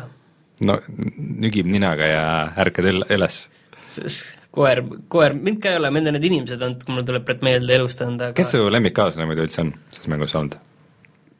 nagu ei olegi, ma, neid kaaslasi on üheksa, on ju mm, -hmm. erinevaid ja mul nad kõik põhikaaslasi, neid väikseid äh, lisasid? need aga, aga ühesõnaga jah, et mul olid need kõik muidugi lahti lõpuks, sest ma tegin kõik põhimissioonid ära, osad jäid tegema, osad ma tegingi pärast seda, kui mul mäng läbi oli mm, -hmm. et äh, aa, üks asi, mis on hea selle mängu lõpu juures, on see, et et siin ei ole seda tüüpilist küsimust või asja, et kui sa tahad siin veel midagi teha, siis tee need nüüd ära, muidu pärast seda punkti sa ei saa enam midagi teha või tagasi minna või siis, et, et lihtsalt lõpeb sujuvalt okay.. ja sellest ei ole midagi, et sa saad pärast edasi mängida. et okay., et, et see on hea, aga need kaaslased, ma ei tea, ma enamikku aja tegelikult mängisin ilma nendeta. üldse ilma või? ei no pärast ma hakkasin neid challenge eid vaatama, et palju, palju ja siis sealt olid nagu, et iga see kaaslane võiks sul mingi kümme ära tappa, siis saad selle ühe perk point'i või rohkem äkki.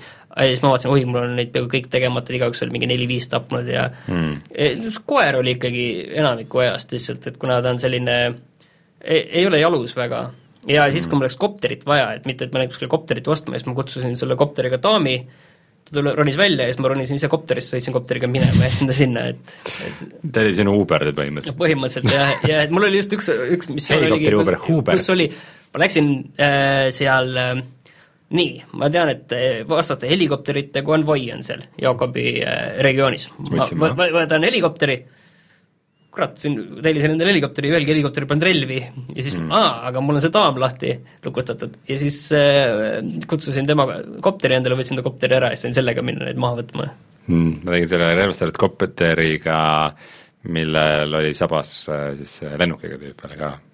aa, õige, selle saab ka kaasa võtta ja et mul, ma alles lõpus lukustasin ka lahti selle, et sa saad nagu kaks äh, Äh, kaaslast on, et sul võib korraga olla kaks kaaslast, et alguses on nagu üks mm, -hmm. see lahti lukustatav asi.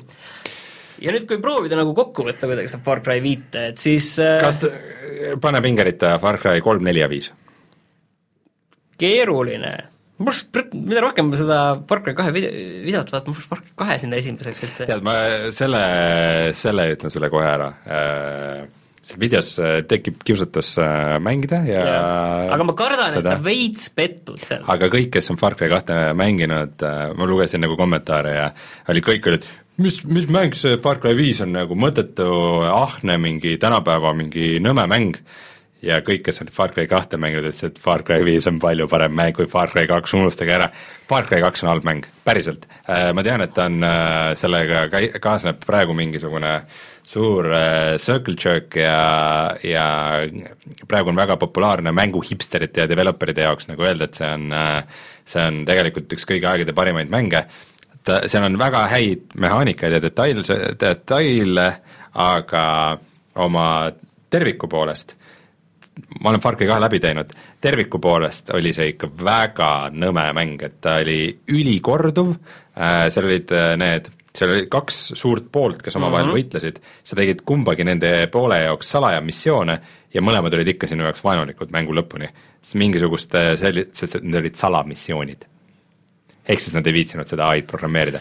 et äh, ja siis sa läbisid checkpoint'e, äh, relvastatud checkpoint'e, kui sa tegid selle tühjaks, äh, need ühe minutiga respawn isid sinna tüübid Äh, ehk siis mitte miski, mis sa selles maailmas tegid, ei avaldanud mitte mingisugust mõju nagu maailmale. ei, ma tean, et seal on hea probleem tegelikult arvan ka, et kui ma läheksin sinna need..., võtaksin ette, siis ma, ma kardan ka, et ma pigem nagu pettuksin, et ma olen ka läbi teinud, on ju, selle. see, need mehaanikad, et sul relvad ära lagunevad, see on kõige nõmedam asi üldse, see, see ei olnud üldse mingit ei, rustikaalset Aafrika tunnetust, vaid see oli lihtsalt tüütu nagu see lihtsalt tähendas, et sa said surma ja pluss see, et sa pead oma sõpra seal mingi veerand tundi elustama ja ta ikka ära sureb nagu, et äh, need ei olnud, need, need äh, tunduvad nagu eraldivõetuna jube kihvtid mehaanikad, aga ühte suurde avatud maailmaga mängu pannes, see oli, see oli lihtsalt tuim okei okay,, aga kui ta-, tagasi tulla küsimuse juurde, siis tegelikult ma ei oska seda nelja ja viite nagu headuse skaalal näiteks ka või kolme ja võib-olla kolm oli kõige parem, et kolm tegi neid asju nagu esimesena, võib-olla mm. selles mõttes nagu kolm, aga äh, noh, ühtepidi see see, see, see Ameerika Montana nagu see tegevus seal toimub, et see on nagu ühtemoodi väga äge ja mul ei ole ka seda probleemi, mis äh, Giant Bombis lugesin Jeff Kurtmani seda ülevaadet, et äh, kas need ameeriklased, kes maakohtades elavad, kas need ongi kõik äh, idioodid ja klounid ja nende segud või et nagu sealt kõrvalmissioonidest ja kõigest nagu mulje jääb, aga noh, ma nagu, mul seda probleemi ei ole, on ju, et võib-olla kui see Eestis toimuks, võib-olla siis mul tekiks mingi paralleel sellega, et Lõuna-Eesti simulaator. jah, aga, aga seda muret mul ka ei ole, et Far Cry, noh, ta ongi üle vindi, et need kõrvaltegelased ongi üle vindi, kõik, kõik, see on nagu normaalne mm.. aga ma ei tea, et ta ta kindlasti oleks saanud olla nagu parem, aga just selle, just seda lugu oleks tahtnud rohkem ja, ja ta-, targemaid vastaseid, need on nagu kaks asja, mis tegelikult mm. nagu võiks nagu selgelt olla paremad, aga minu meelest ega need neljas need vastased ka, need ega need tõenäoliselt seal ka mingid tarkpead polnud ei olnud, ei olnud, kolmes ka mitte, võib-olla aga mul mälus nagu tundub, et nad olid võib-olla paremad. aga selles mõttes on Far Cry viis olnud väga edukas, et ta on äh, kõige edukam Far Cry viis, vähemalt oma selle alguse statistika mõttes, äh, et kõige edukam siiamaani ja Ubisoftil läbi aegade siis number kaks äh, la-, launch, järel? launcheering. kelle järel? Ma ei tea kusjuures, Divisioni? vist Divisioni, jah. oli seal nii kõva launch siis või? või teine võimalus Watch. Dogs, Watch Dogs üks oli ka vist väga edukas, aga Division vist Creed? lõi üle selle mul ei kujuta ka ette, kes see võis olla. ma ei usu, ma arvan, et see on, see on Division jah. et ähm, ta nagu, no, ta vaata, see ongi see, ta on nagu mõnes mõttes selline lollmäng, et et on suhteliselt mõnus mängida ja suhteliselt äh, hea meelega nagu teed läbi ja aga lõpus sa mõtled, noh kurat, ega see nüüd kõige parem nagu ei olnud, et et, et see on aga nagu selle mängimise ajal lõpus. üldiselt eh, jah, ja ma ütlen, selle see psühholoogia on nii paika timmitud, nagu ma alguses ütlesin ka, et et, et sa nagu noh, eriti kui sa oled nõrk inimene nagu mina, siis eh, langed selle lõksu. aga ma olen ka nõrk inimene, aga ma ei kas ole sa nüüd räägid kindel sellest, kuidas sa ostsid eh, endale Skyrim VR-i või? jah, et sellepärast ma olen nõrk inimene. Sina ostsid mulle. No jah, Äh, ja kakskümmend protsenti alla. nelikümmend kaheksa eurot, ei maksnud kuutekümmet eurot selle eest. kõik, kes mõtlevad ostma äh, seda Skyrim VR-i, siis äh, Greenman Gaming või? Äh, GMG.com siis või, et äh, seal, kui kasutada koodi Payday kakskümmend, siis saab kakskümmend protsenti alla nagu niuhti, see on niisugune interneti avalik saladus, ma arvan, et nad müüvad seda päris palju praegu. aga jah, Skyrimist tuli virtuaalreaalsuse versioon, seitse aastat vanast mängust, müüakse siis jälle täishinnaga, mida ei suuda Martin uskuda, et keegi võiks seda osta. ma nägin just värske, värske Eesti VR-mäng on müügil, ma nägin üheksa eurot, mis selle nimi oli, Downtown mingi, Wild Downtown. Steamis on müügis uus Eesti VR-mäng, nemad said tehtud üheksa euriga, miks Skyrim, olemasolev valmis mäng, tahab saada kuuskümmend eurot? sa räägid, et VR-i arendamine on kallis, Eestis tehakse üheksa euroga, see, noh sellest mängust me praegu ei räägi. Vaatame tulevikus, kas me proovime seda või ei. aga äh, Steam Spy järgi on siis ilmselt eilse seisuga on Skyrim VR-il viisteist tuhat omanikku, mis on VR-mängu kohta okei okay,, aga veel ei midagi ebareaalset äh,. Fallout neljal oli vist umbes mingi saja viiekümne tuhande ligi, mis on ikka väga hea juba.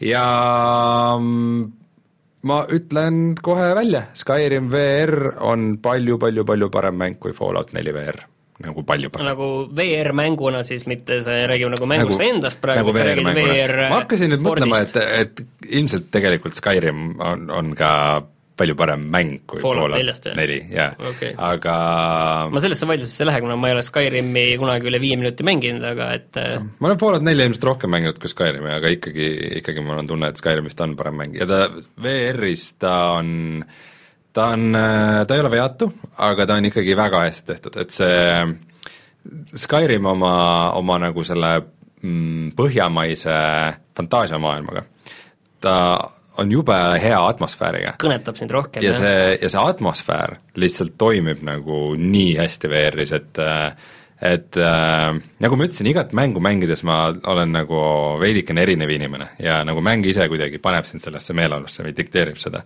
ja ma avastasin, kui erinevalt ma mängin praegu Skyrim VR-i võrreldes sellega, kuidas ma mängin äh, mängin teisi nagu fantaasiamänge või avatud maailma mänge või, või, või kui teistmoodi ma mängin Skyrimit, et äh, kui ma tavaliselt mängudes avastan kuskilt menüüst, et minu raskusaste on kõige lihtsam, siis äh, minu mänguri au nagu on kohe haavatud ja ma panen ta kas kõige raskema peale või siis kõige raskemast üks allapoole. ja kui aga kui on viis, siis paned viis äh, valikut, siis sa paned jah, üks allapoole. jah, neljanda. kui on kolm, kui kolm, kolmanda, siis kolmanda, aga Skyrimi puhul seal vist on mingi viis või kuus valikut ja minu raskusaste on kõige lihtsam. Sest et äh, no ma lihtsalt ei, ma, ma ei taha seal ma ei taha, et mul läheks halvasti.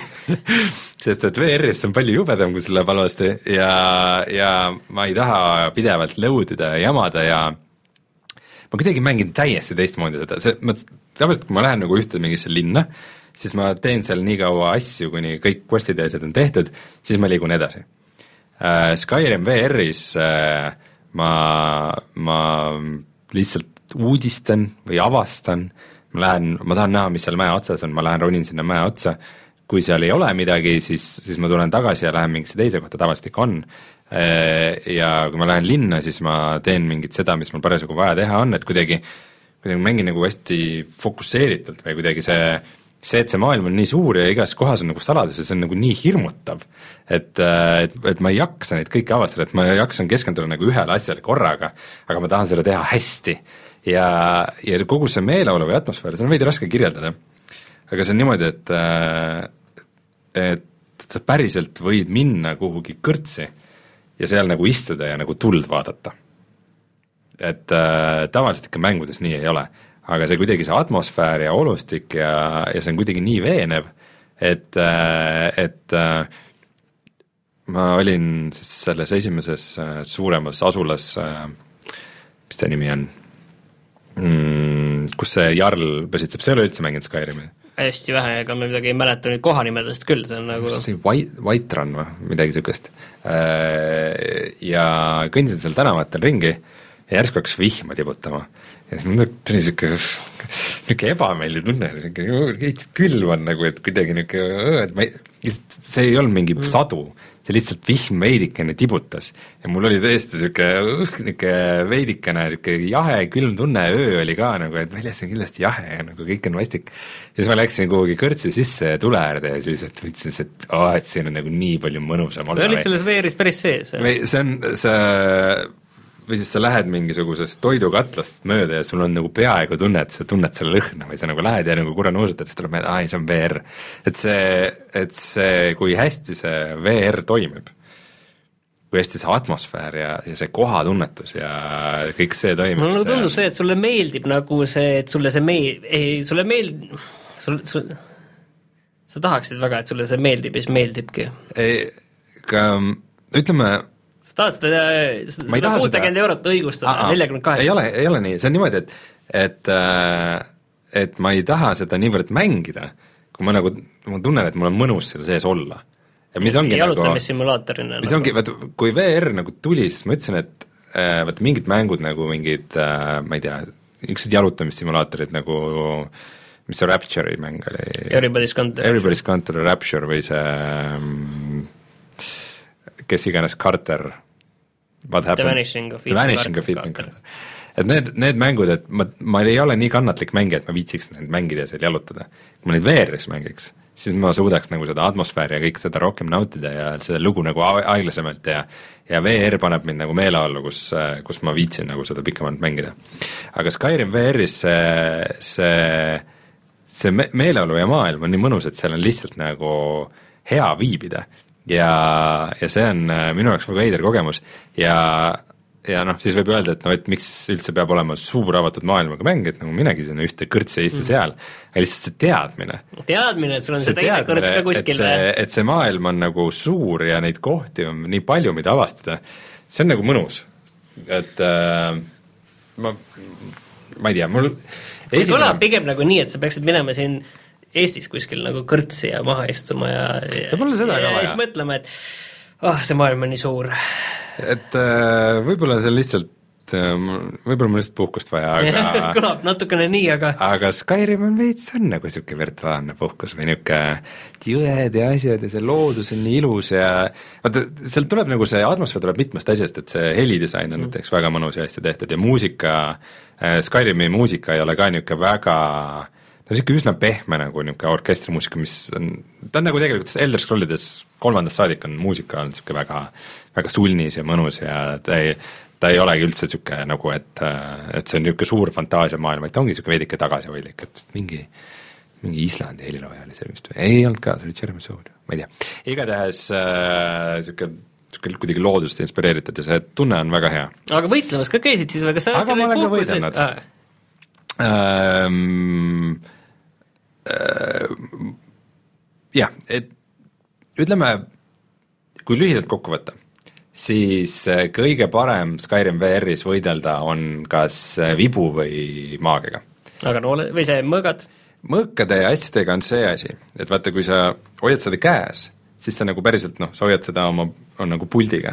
ja nendega on see, see vana hea, see V-mode'i probleem, kus sa liigutad väikest kerget asja ja siis mingi suur asi liigub kaasa. et sa leiad mingisugused tohutult suure kahe käe kirve ja siis sa võtad selle kätte, liigutad ja see käib ringi ja siis on tunne, et see on niisugune nagu näeb kerge. välja, näeb välja nagu kakskümmend kilo, aga sa liigutad seda niiviisi nagu lusikat. see, see kohe kuidagi tapab ära selle emotsiooni, et siis, siis tundub niisugune nagu täis puhutud relv või see pultidel on vaja tegelikult sellist dünaamilist raskust, mis kuidagi sinna muudab seda pultide raskust niiviisi. et no ütleme, võib-olla tulevikus kunagi mingi niisugune asi tuleb või, või ma ei tea, pane mingi päris mõõkamale kätte sellele, kui sa vehid või tilk tumeainet sisse pulti üldiselt tilk tume ja ma, ma olen lugenud, et osad inimesed isegi üritasid omale mingeid raskusi nagu käte külge siduda või midagi, aga ärge seda tehke, see rikub teie randmed ära nagu päriselt eluks ajaks, ei parane. aga äh, samas näiteks kiidetakse, et kilbi kasutamine on nagu päris mõnus, et sa nagu päriselt hoiad ees ja see kaitseb nagu sind ja mingi draakon pritsib tuld ja sa nagu kilbiga kaitsed ennast selle eest, et see on nagu hullult vägev. aga maagia on päris kihvt, sest et äh, Skyrimis on võimalik nagu kumbastki käest eri loitsu lasta. ja mul on need alguse loitsud, et ühest käest tuleb tuld ja teisest tuleb äh, äikest ja siis miski, mida sa tegelikult nagu tavamängus kunagi teha ei saanud, on see, et sa saad eri suundadesse lasta mm. -hmm. et sul nagu tulevad vastased eest või tagant ja sa vehid oma kätega ja nagu lased neid eri suundades. Äh, ja üldse seal on nagu mingeid vahvaid äh, valikuid, näiteks et äh, sa saad ujumise panna realistlikuks ujumiseks, et, et sa pead nagu päriselt kätega niimoodi muidu upud ära või? nuppe tegema, selleks, et vees edasi liikuda. jaa, ära ei upu või? no kui sa vee all oled, siis sa upud ära, jah ah,. Okay. aga, aga no lihtsalt, et sa ei hoia nagu kangi all et muidu ei püsi nagu veepinnalgi, ma mõtlesin äkki äh, seda vist ei ole, et Proovi. see ujuvus Proovi. on vist üsna okei okay.. ja siis samamoodi võib ka äh, äh, laskuda madalamale füüsiliselt, et hiilida. Et sa nagu set-, setting utes paned oma pikkuse paika ja siis, kui sa ta-, tahad nagu hiilida ja selle boonust saada nagu, et backstab'i teha, siis sa äh, nagu lasedki veidikene küüru ennast ja nagu, nagu liigud hiildes ringi, et see, selline optsioon on nagu olemas. Pluss ka erinevaid meetodeid vibulaskmiseks ja, ja vibulaskmine on ka väga hästi tehtud. ma ma küll selle mänguga otseselt ja vibu laskmine on ju VR-i selline see on, leivanumber. täpselt, see on VR-i leivanumber ja see on täiesti hästi tööle pandud. ja mm, ma ka ots-, otsustasin, et seekord ma mängin mängu istudes, et ma tavaliselt VR-i mängin seistes, aga et noh, et see on, ilmselt läheb rohkem aega ja ma lihtsalt väsin ära ja nagu päeva lõpus ei viitsi ka nagu peale tööpäeva nagu püsti seista nii pikalt. ja istudes on nagu ka suhteliselt okei okay,, et äh, mingit tohutuid probleeme ei ole see võitlus on lahe, äh, see pakub ka nagu niisuguseid momente, mis jäävad meelde, et äh, kuskilt, kuskilt näiteks mingi künka tagant hüppas mingi hunt välja, mul oli parasjagu oli vibu käes ja siis ma nagu niimoodi lasin paanikas niimoodi ja siis ma lasin talle otse pähe ja ta kukkus ümber ja see oli nagu oh, et see oli nagu väga äge moment ja siis, siis vibuga ma nagu üritan lasta, et kui nagu vibu on niimoodi mitte püsti, vaid niimoodi külili, et niimoodi on ka nagu päris, päris okei okay, tava. Dog life nagu tuli, tuli gängsta vibulaskmine. gängsta vibulaskmine. jah, et niisugused asjad toimuvad ägedalt, see suuruse taju on loomulikult palju parem ja noh, kui mingi hiiglane või draakon tuleb, siis on ikka sihuke vau, et see on päris suur ja üldse nagu on tehtud Skyrim VR-is väga palju asju hästi, mis on muidu nagu VR-mängudes, eriti nagu VR-konversioonides on nagu halvasti aga ta ei ole päris veatu, et no üks asi, mis ma ütlesin, on see, et need um, lähivõitluse relvad nagu, need veidikene on imelikud. pistodega võib-olla on okei okay,, aga suuremate relvadega on imelik äh,. Teine asi on see, et äh, sa pead ikka päris palju ringi kakerdama seal menüüdes. ta on veidi paremini lahendatud noh, nii mänguna kui VR-versioonina kui Fallout neli, kus sa ainult menüüdes minu meelest elasidki aga, aga see on ikkagi natukene tüütu, et okei okay,, et sa saad mingid need oma favorites'id välja valida, aga noh, kui sa oled mänginud VR-mänge, siis sa oled harjunud sellega, et ma tapan vastase ära, ta pillab oma mõõga maha, et ohoh, ma siis võtan tema mõõga ja võitlen sellega edasi. tuleb valik, menüüvalik või? ei, sa pead, sa pead teda loot ima, siis sa tõstad oma inventorisse selle mõõga, siis sa leiad selle oma inventorist ülesse ja paned tegelikult, okei okay,, võib-olla sai kohe nagu teda kasutama hakata ka, jaa, sai küll, tegelikult sa saad, aga ongi see, et sa ei saa võtta maast seda relva, vaid sa pead teda loot ima ja siis sa saad selle relva. ja üks asi, mida võib-olla ma ei ole lihtsalt leidnud, aga mis nagu oleks, on täiesti puudu, on see, et sa ei saa võtta asju, sa ei saa objekte haarata ja enda ees õhus nagu nendega manipuleerida. Ma võib-olla ei ole mõeldud niiviisi, see mootor või midagi ei toeta lihtsalt ei, seda? tavaskyrimis sa saad seda teha. Sa saad ju igast idiootsid ja see oli see nali veel, et äh, keegi avastas, et kui võtta poes äh, ämber ja panna puust ämber äh, või korv poemüüjale pähe, siis äh, saad nagu asju ära näpata ja ta ei näe ei seda või teine valik oli see, et sa said nagu käes tohtisid hoida, aga sa ei tohtinud omale inventorisse panna.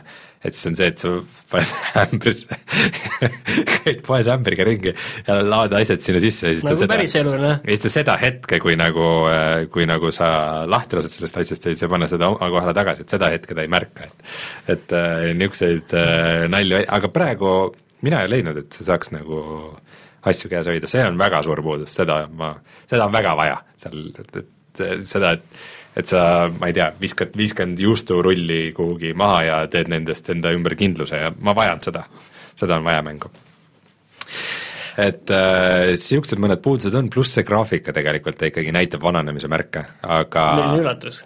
aga ta ei ole nagu kohutav, et äh, äh, ilmselt ma mingi hetk natukene tahaks avastada ka seda modimist, et kuigi ametlikult ametlikult mitte, see on esimene asi, mis nad ütlesid, et äh, moode ei toetata, aga mitteametlikult töötavad küll, nagu enamus moodid äh, töötavad küll. Ja ja inimesed on pannud omale peale igasuguseid äh, mingeid äh, tekstuuri, tekstuure välja vahetavaid moode ja valgussüsteeme välja vahetavaid moode ja öid pimedamaks teinud ja ilma intensiivsemaks ja mul juba sellest tibutamisest piis-, piisas, nagu aitäh.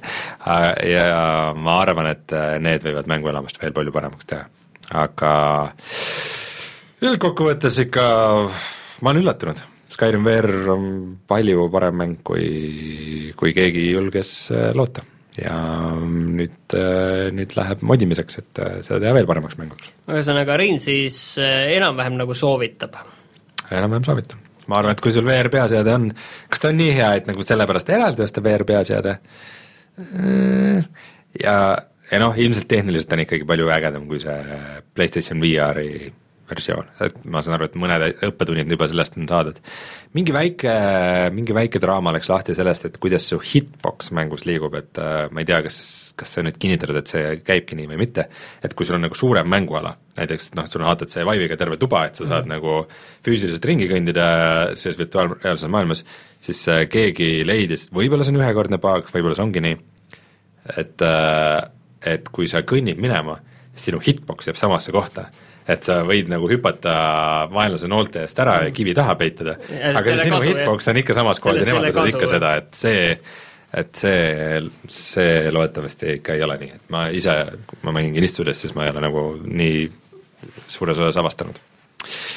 ja VR-teemadel veel nii palju, et ma käisin vaatamas filmi Ready Player One, mis siis on Spielbergi uus film, mis äh, räägib äh, poisist, kes virtuaalreaalsuses maailma päästab. pani kiivri pähe ja pani aga peaseadme pähe ja muudkui aga päästis. ja see on selle filmi juures lõbus, on see, et see põhineb raamatul, mis kirjutati kaks tuhat üksteist. Ja nende seitsme aastaga on nagu paljud asjad, mis seal on nagu kirjeldatud ulmena, on nagu päris, sest noh, põhimõtteliselt see oaasise maailm, kus siis selles äh, filmis äh, kõik inimesed paiknevad, on põhimõtteliselt VR chat et äh, ainult see This is the way meme on puudu ja, ja äh, lihtsalt näeb parem välja.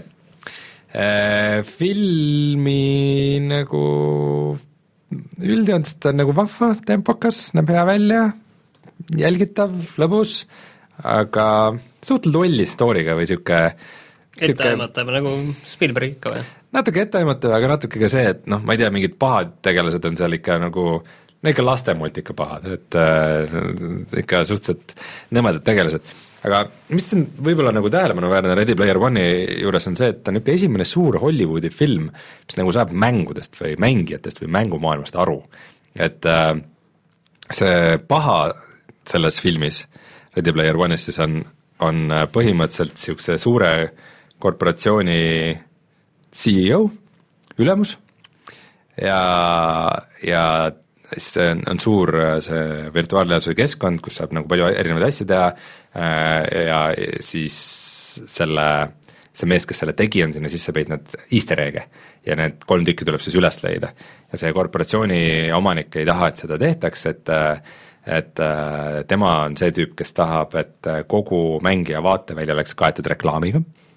Ta tahab luua rohkem igasuguseid monetiseerimissüsteeme, ta tahab, et kasutajad oleks jaotatud erinevatesse kategooriatesse vastavalt sellele, kui palju nad maksavad, et on nagu, sul on kuldliiga ja hõbeliiga ja pronksliiga ja nagu ta on niisugune, niisugune tõeline niisugune EA boss mm., selline selline tuim südametu monetiseerija, kes arvab, et ta teeb nagu õiget asja, et nagu, et teenib firmale kasumit, et ja, ükskõik, milleks on selle jaoks valmis.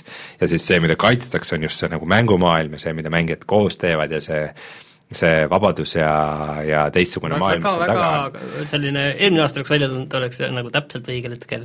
ma arvan, et praegu veel ka see ajastus on, on päris hea, aga noh, see ongi just see, et noh, see ei ole ju ainult mänguritele see film, et see nagu kõigile, aga see sõnum ikkagi vist läheb nagu kõigile korda, et teine asi, mis on nagu märkimisväärne Ready Player One'i juures, on see, et mitte üheski filmis või ükskõik mis asjas kunagi varem, no ilmselt selles raamatus, aga mitte kusagil varem ei ole kunagi olnud nii palju erinevaid tegelasi ja vihjeid eri-, popkultuuri nagu teistele asjadele kui selles filmis.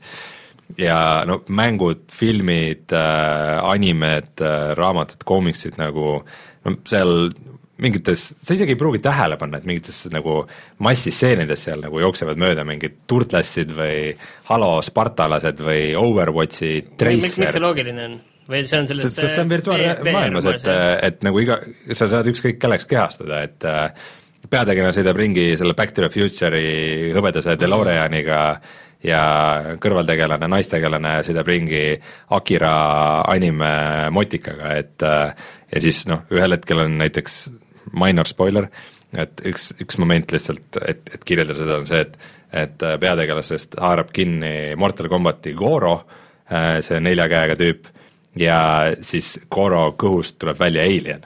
et nagu, et nii palju erinevaid asju saab ühes, pluss üks segment filmis nagu terve mingi üsna pikk osa toimub ühe teise filmi sees, mida ma ei re-, reeda ühe nagu klassikalise filmi sees, et et see, et nii palju siis ma kujutan ette, et nagu need advokaadid ja, ja, ja nagu ja, raamatupidajad, kes need kõiki mingeid IP õiguste lepinguid ja asju tegid, mis on kilomeetrite pikkused, et nagu keegi peale Spielbergi ei saaks sellise asjaga hakkama, et see Spielbergi nimi on nagu põhjus, miks üldse nagu ilmselt jutule saadi ja need, see asi nagu läbi viidi, et see on ikkagi nagu märkimisväärne saavutus et äh, juba sellepärast tasub seda filmi vaadata. aga sa ütlesid, et vaata, et ükski varem ükski film pole nagu aru saanud, aga tegelikult minu meelest see Scott Pilgrim versus The World võib-olla tegelikult oli ka selline asi, mis nagu taipas seda veits, et jah, ta toimus ei toimunud sellise ja.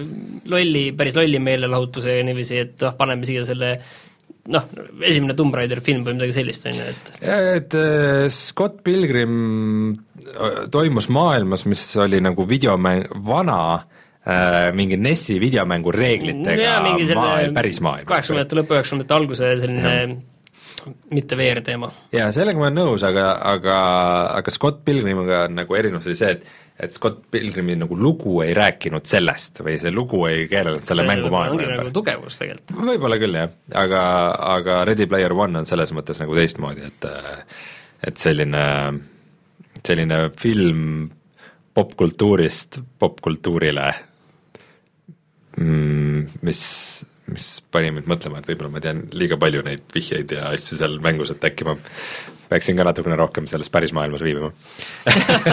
Ja ma juba enne sain ka sellest natukene aru sellele Vikile, et kui sa sellest Skyrimist rääkisid, on ju, et aga meil on tükk aega nüüd olnud see teema üleval sellest Tomb Raiderist. see Tomb Raider on meie üks teema praegu, jah. et äh, sa läksid ka nüüd sinna tagasi, esimesse Tomb Raiderisse yeah. või ainult esimesse või teistesse ka? ei, ma läksin, ma panin käima päris esimese Tomb Raideri. on see siis hea ja ajatu mäng, mida Ai, saad tänapäevalgi mängida, ei ole mingit probleemi? see on, äh, see on, äh, see on hea mäng äh, ma... said sa selle käima, ma küsin alustuseks? Uh, see maksis, see maksis alla euro just Steamis. see maksis Steam'i nüüd sai see allahindlus läbi Äh, ma, ma arvan, et ta on ikka odav Steamis. no ja mingi mõned eurot tõenäoliselt. jah, aga, aga kõigepealt oli see, et sa alguses ta käima paned, siis ta, siis ta jookseb nagu DOS-boksis ja see on see, et nendel DOS-box või? jah, no Ei nagu ole. läbi DOS-i. ta ei ole DOS-i mäng.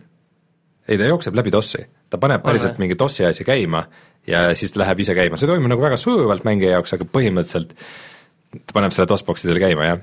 ja siis äh, ta jookseb äh, neli kolmele äh, ekraani kuvasuhtega jaa, seda, seda see graafika ei ole vapustav, vaheviidedel on kõikidel vaata see, et nagu mu, iga teine joon on niisugune must joon, iga teine piltirida on must joon, resolutsioon on resolutsioon on väga madal. Ja üks asi, mis minu jaoks tegelikult kuulub nagu esimese kahe Tomb Raideri juurde ajatult, on see, et kõiki mingeid relvi ja medpacke ja laskemoona, mis sa näed, sa näed seda läbi seinte ka et äh, need 2D objektid, vaata, et need tule-, on alati nendest 3D objektidest läbinähtavad. ja siis äh, ma esimest korda vist tegin niimoodi, et ma lihtsalt ei guugeldanud, et kuidas, kas tänapäeval mingit fix'i on nendele asjadele, vaid ma leidsin Steamist otse, nagu Steam guide'ide alt, et, et see Steamist iga mänguga saad valida selle guides sektsiooni ja proovisin seal leida mingisuguse asjad nagu jaotuvad kategooriatesse ka, et mingid lihtsalt nagu tutorial'id ja mingid äh, saladuste asukohad ja niisugused asjad, ja siis on nagu tehnilised äh, asjad ja siis see oli, et tõmba see asi, installi see ära, see paneb nagu kõik need kõige põhilisemad update'id sinna peale, mingi kümme tükki, ja, ja kõik toimis. ja mäng enam ei vaja DOS-box'i, ta on nüüd palju parema resoga äh,, lai ekraanile nagu noh, üldse nagu täiesti, täiesti okei aga, aga mäng ise nüüd, mäng ise on see on ikka harjumatu, väga hea ta on harjumatu ähm, sest hiirt Rainer- sai, hiirt sai kasutusega pannud pulli või selle klappidega ainult klaviatuuriga. Rainer midagi rääkis sellest tankkontrollidest, ma pole siiamaani päris lõpuni aru saanud, mis see tankkontroll tähendab äh, sa võid muidugi seletada no see ongi neli, neli suunda niiviisi lähed tõnks, tõnks, tõnks, et sa ei saa nagu vaata liikuda kas ta küljele ei liigu või? aa, et aa, jaa, ta, jaa, ta sa pöörab. ei, sa ei saa minna niiviisi diagonaalis, vaata niiviisi. Jaa, et kui sa hoiad noolt all, siis ta pöörab nagu sel ajal, kui sa ja hoiad ja see ongi see, et äh, pöörata, sa saad liikuda edasi, pöörata küljele, et see on nagu nelja, neli, neli, neljas suunas saad nagu liikuda. ja kõik, et sa ei saa nagu äh, nagu tänapäeval ükskõik enam-vähem millises mängus sa saad minna, et aga nüüd lähen niiviisi siit äh, puldiga nagu, et neljakümne kuue kraadise nurga all. okei okei. okay., ma ei ole, ma ei ole kindel Äh, kuna mängin tavaliselt hiireklaviatuuriga, aga minu jaoks see ei häiri mind, see see, nende teiste nuppude mäppimine nagu on küll natukene keeruline, et äh, kuhu sa paned oma hüppamised ja action'id ja asjad nagu, et sa kahe käega klaviatuuri peal saaks mängida, et ma mäletan, kuidas need mul kunagi Jaa. olid, aga praegu mul tuli ka meelde, kuskil lihasmälust nagu tuli kuskilt meelde, Jaa. et ah, see oli siin, control shift, see aga, aga Tomb Raider, need üks kuni kolm on ikka, nad on ikka väga teistsugused mängud kui need uued Tomb Raiderid. Et äh, esiteks see, et, et nad on niisugused nagu palju atmosfäärikamad kuidagi, et äh, seal pidevalt ei toimu, vot uutes on see, et sul on pigem mingi quick time event'id ja mingi stealth'i sektsioonid ja ja mingi varjumisega võitlused, et nagu ei peida ennast kuhugi serva taha ja lase sealt üle serva vibuga ja no seal ongi tükk aega käid ja siis lõpuks tuleb mingi vares, kaks varest tulevad ja ongi ja mitte päris nagu nii ei ole, nahkhiired pealegi. ja olid jah, ma, ma aga see on, see on see, et äh, kuidagi niimoodi, et sa lähed nagu uude alasse, sa tapad sealt vaenlased ära, siis sa nagu tutvud selle olukorraga, vaatad, ahah, siit on kinnine uks, läheb mingi kang, sealt saab sinna ronida.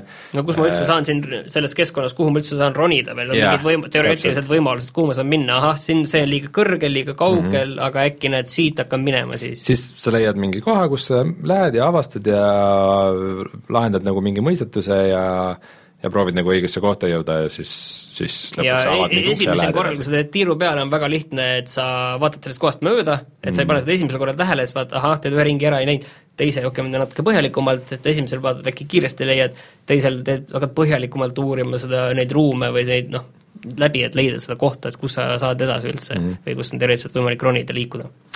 põhimõtteliselt on ikkagi mõistatuse mäng. Äh,, aga ütleme, mõistatuse mäng palju paremini tehtud action'iga, kui see, kui see oleks normaalne. et äh, see mulle on alati hullult meeldinud see, et äh, kuidas see vanades Tomb Raideris see kontroll töötas, et äh, et äh, kui sul relvad väljas ei ole, siis sa nagu tulistada mm. ei saa, eks. siis sul, sul on nagu action nupp, millega sa saad umbes mingeid nuppe vajutada ja servadest üles ronida ja nii edasi, aga kui sul on relvad väljas, siis action nupp toimib nagu tulistamisnupuna. ja siis, kui sul mingid hundid või asjad ründavad, sa põhimõtteliselt nagu joo-, saad samal ajal ringi joosta ja neid lasta, et ta nagu lukustab automaatselt äh, nende suunas ja siis sina kontrollid seda, kuidas äh, kuidas sa nagu ruumis oled paigutanud ja sa saad teha hüppeid nagu edaspidi, tagaspidi, külje peale ja siis minu lemmiknupp on nagu see kiiresti ümberpööramine, kukerpalliga ümberpööramine.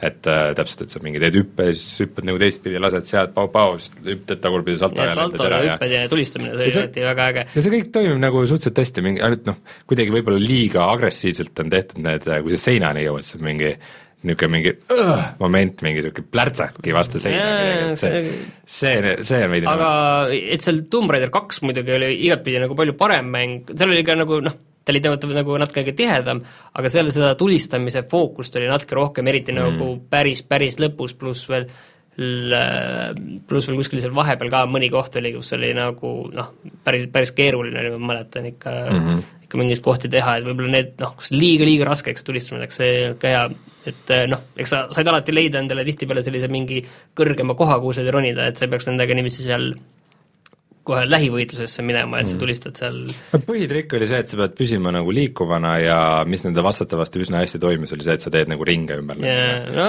see kõlab nagu vaata ületõõmalt, et teen ringe, aga tegelikult see nagu kuidagi mäng, mäng, mängul nagu toimis nagu selles yeah. mõttes ja see ei, see ei tundunud nagu seda tehes, et oi kurat, ma teen nagu ringe nagu ümber Far Cry viie outposti siin praegu ja, ja võtan neid lolle maha, et nagu mm et see nagu Need jah. vastased olid, olid ikka nagu selles mõttes veenvad ja ja ta oli ikka oma aja kohta nagu see, et ta on nagu nii, kõik on nii 3D-s vaata kuidagi, et, et ma arvan, et see võis ikka omal ajal täiesti šokk olla, et niisugune mm. mäng oli olemas, mina mina, kui see välja tuli, siis ma vaatasin telekast, äh, tollal tuli küberruumi saade ja siis ma vaatasin suu ammuni, et kuidas nagu niisugune mäng saab üldse olemas olla ja siis kellelgi koolis arvutiklassis oli see ja see, et nagu see võiks joosta üldse nendel arvutitel, mis on kooli arvutiklassis, see oli nagu uus šokk minu jaoks ja siis siis kõik suu ammuli vaatasid, kuidas keegi seda mängis ja siis oli vau, mingi, mingi CD-plaat käis sisse ja nagu see, see oli, kõik oli ikka nagu täiesti teisest maailmast minu jaoks. ei, ma olen sinuga nõus, et see, sellega mitte ainult head mälestused, aga mulle tundub ka, et nad olid nagu tegelikult ka mängudena head, nii et mm. ma arvan, et meil on selles mõttes nagu kohtuotsus käes, et see,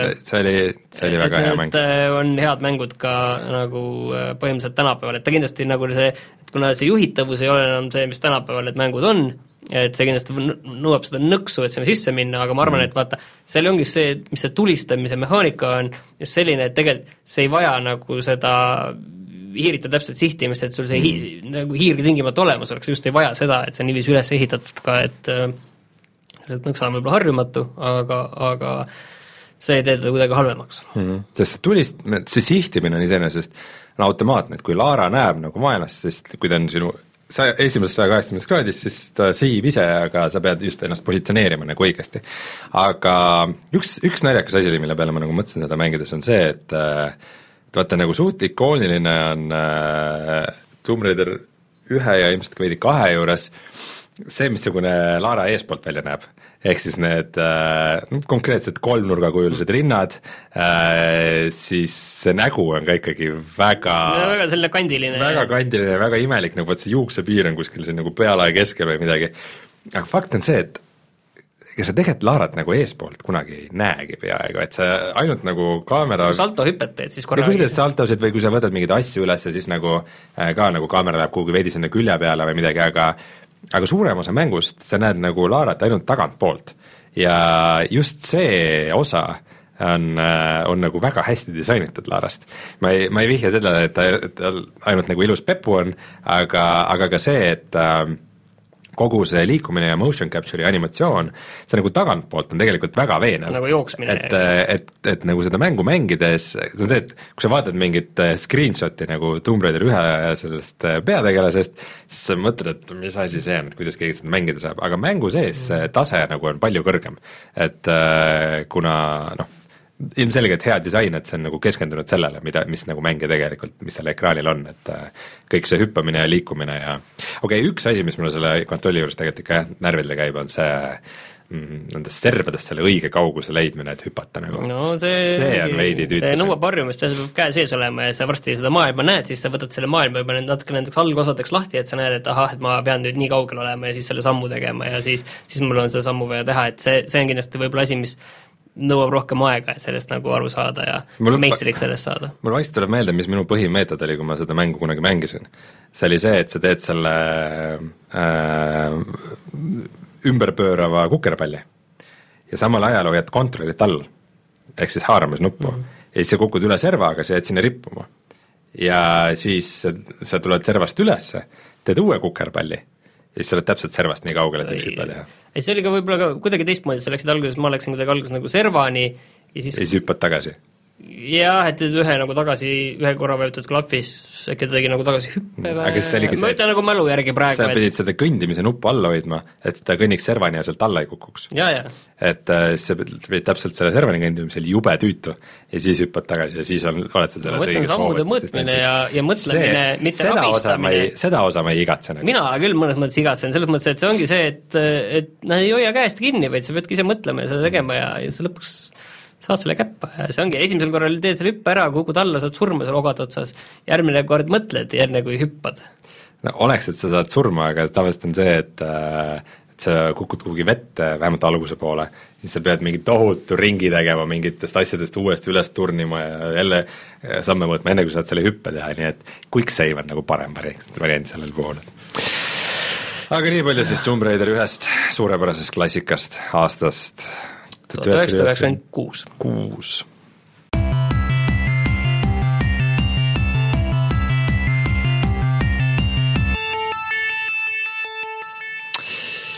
aga kui sul on natukene raha ja sa tahad seda kulutada mingi mängu peale, siis äh, Martin, mida me soovitame? Äh, PlayStation neljas on käimas äh, veel siiani lihavõtte allahindlus okay.. et seal oli päris palju asju, seekord minu meelest oli selline asi, et nagu PlayStationi enda mängud ei olnud seekord allahinnatud äh,, nagu need eksklusiivid, aga mm -hmm. minu meelest väga palju nende teiste nagu Ubisofti ja EA ja, ja kõigi ja muid mänge oli, seal oli päris, päris heade hindadega asju oli seal. okei okay. ja nagu sa enne ütlesid, et Greenman Gamingus äh, on see kood Payday kakskümmend, siis sa saad kakskümmend protsenti alla. aa, ükskõik mis mängust või? mina sain aru küll aa, ma mõtlesin, et see on ainult äh, Skyrim, Skyrim VR-ile, aga kõikide mängude puhul, kuule siis see on, siis see on küll hea diil. vähemalt ma sain nii aru, ma loodan, et ma ei eksi äh... ja Steamis on siis äh, The Long Dark, seitse eurot. Okay. ma ei tea, kas see on varem nii odav olnud, aga äh, kaheksa eurot, seitse üheksakümmend üheksa. seitse üheksakümmend üheksa, et aga praegu igal juhul on. no Reinu aastamäng kaks tuhat kuusteist vist nii et äh, tasub proovida, pluss tiimis see nädalavahetus on äh, tasuta uh, This War of Mine, väga sünge ressursi uh, majandamismäng. see on siis selle puhul, et Frostpunk, nende uus mäng tuleb üsna varsti. aa ah,, okei okay., ma, ma loodan, et see tuleb sama hea. ja ma hakkasin üht-teist mõtlema, kas kas Amazoni mingisugused need mängudiilid nagu, kas need kehtivad Eestis ka või? Amazon ja Eesti minu meelest need ei, ei klapi hästi üsna või? halvasti jah, et need minu meelest mitte. okei okay,, sest Amazonis on, on mingi, mingi programm muidu, et sa ma ei tea, kuidagi läbi Twitchi registreerid sinna ja sa saad mitte. tasuta mänge iga kuu ja see kuu pidi olema nagu see Tales from the Borderlands nagu täiesti tasuta sealt saadaval, aga kuidas see täpselt käib, ma ei tea. keda, kes tahab Tales of the Borderlandi, minge uurige. Rein, kui sa Eestist ostad mänge, kus sa neid ostad? GameStar.ee niisiis, see oli siis äh, meie tänane saade äh, kuuendal aprillil kaks tuhat kaheksateist. rääkisime väga pikalt äh, Far Cry'st ja päris pikalt ka Skyrimist. ja Tomb Raiderist, selles mõttes, et oli huvitav endal ka. et jah, järgmine nädal on Rainer tagasi ja peaks olema järgmine nädal meil ka külaline nimelt julged välja reklaamida ka või ei ma julge? julgen välja rek- reklaamida, et noh, siis ta, siis ta kindlasti teab, et tulla. jah, et äh, Joosep Uusväli tuleb meile jälle külla üle, üle pika aja, ma ei tea, mis nii pika siis ta räägib kogemust, et kuidas siis see Sea of Thieves on, kui sa mängid seda mitmekesi. ta on Sea of Thieves'i mänginud nii üksi kui mitmekesi ja siis äh, tänu temale saame nagu lõpp, lõpliku äh,, lõpliku siis otsuse teha selle mängu kohta, et kas see on seda raha väärt või kas ta on üldse midagi väärt või kas ta on aega väärt või kas teda tasub talle anda võimalus või tasub veel oodata või mis värk on, mina, mina, mina olen täitsa huvitatud, et äh, mis, mis värk on tõsi. ja täname veel kord enda Patreoni toetajaid ja kohtume siis täpselt nädala aja pärast. tšau. tšau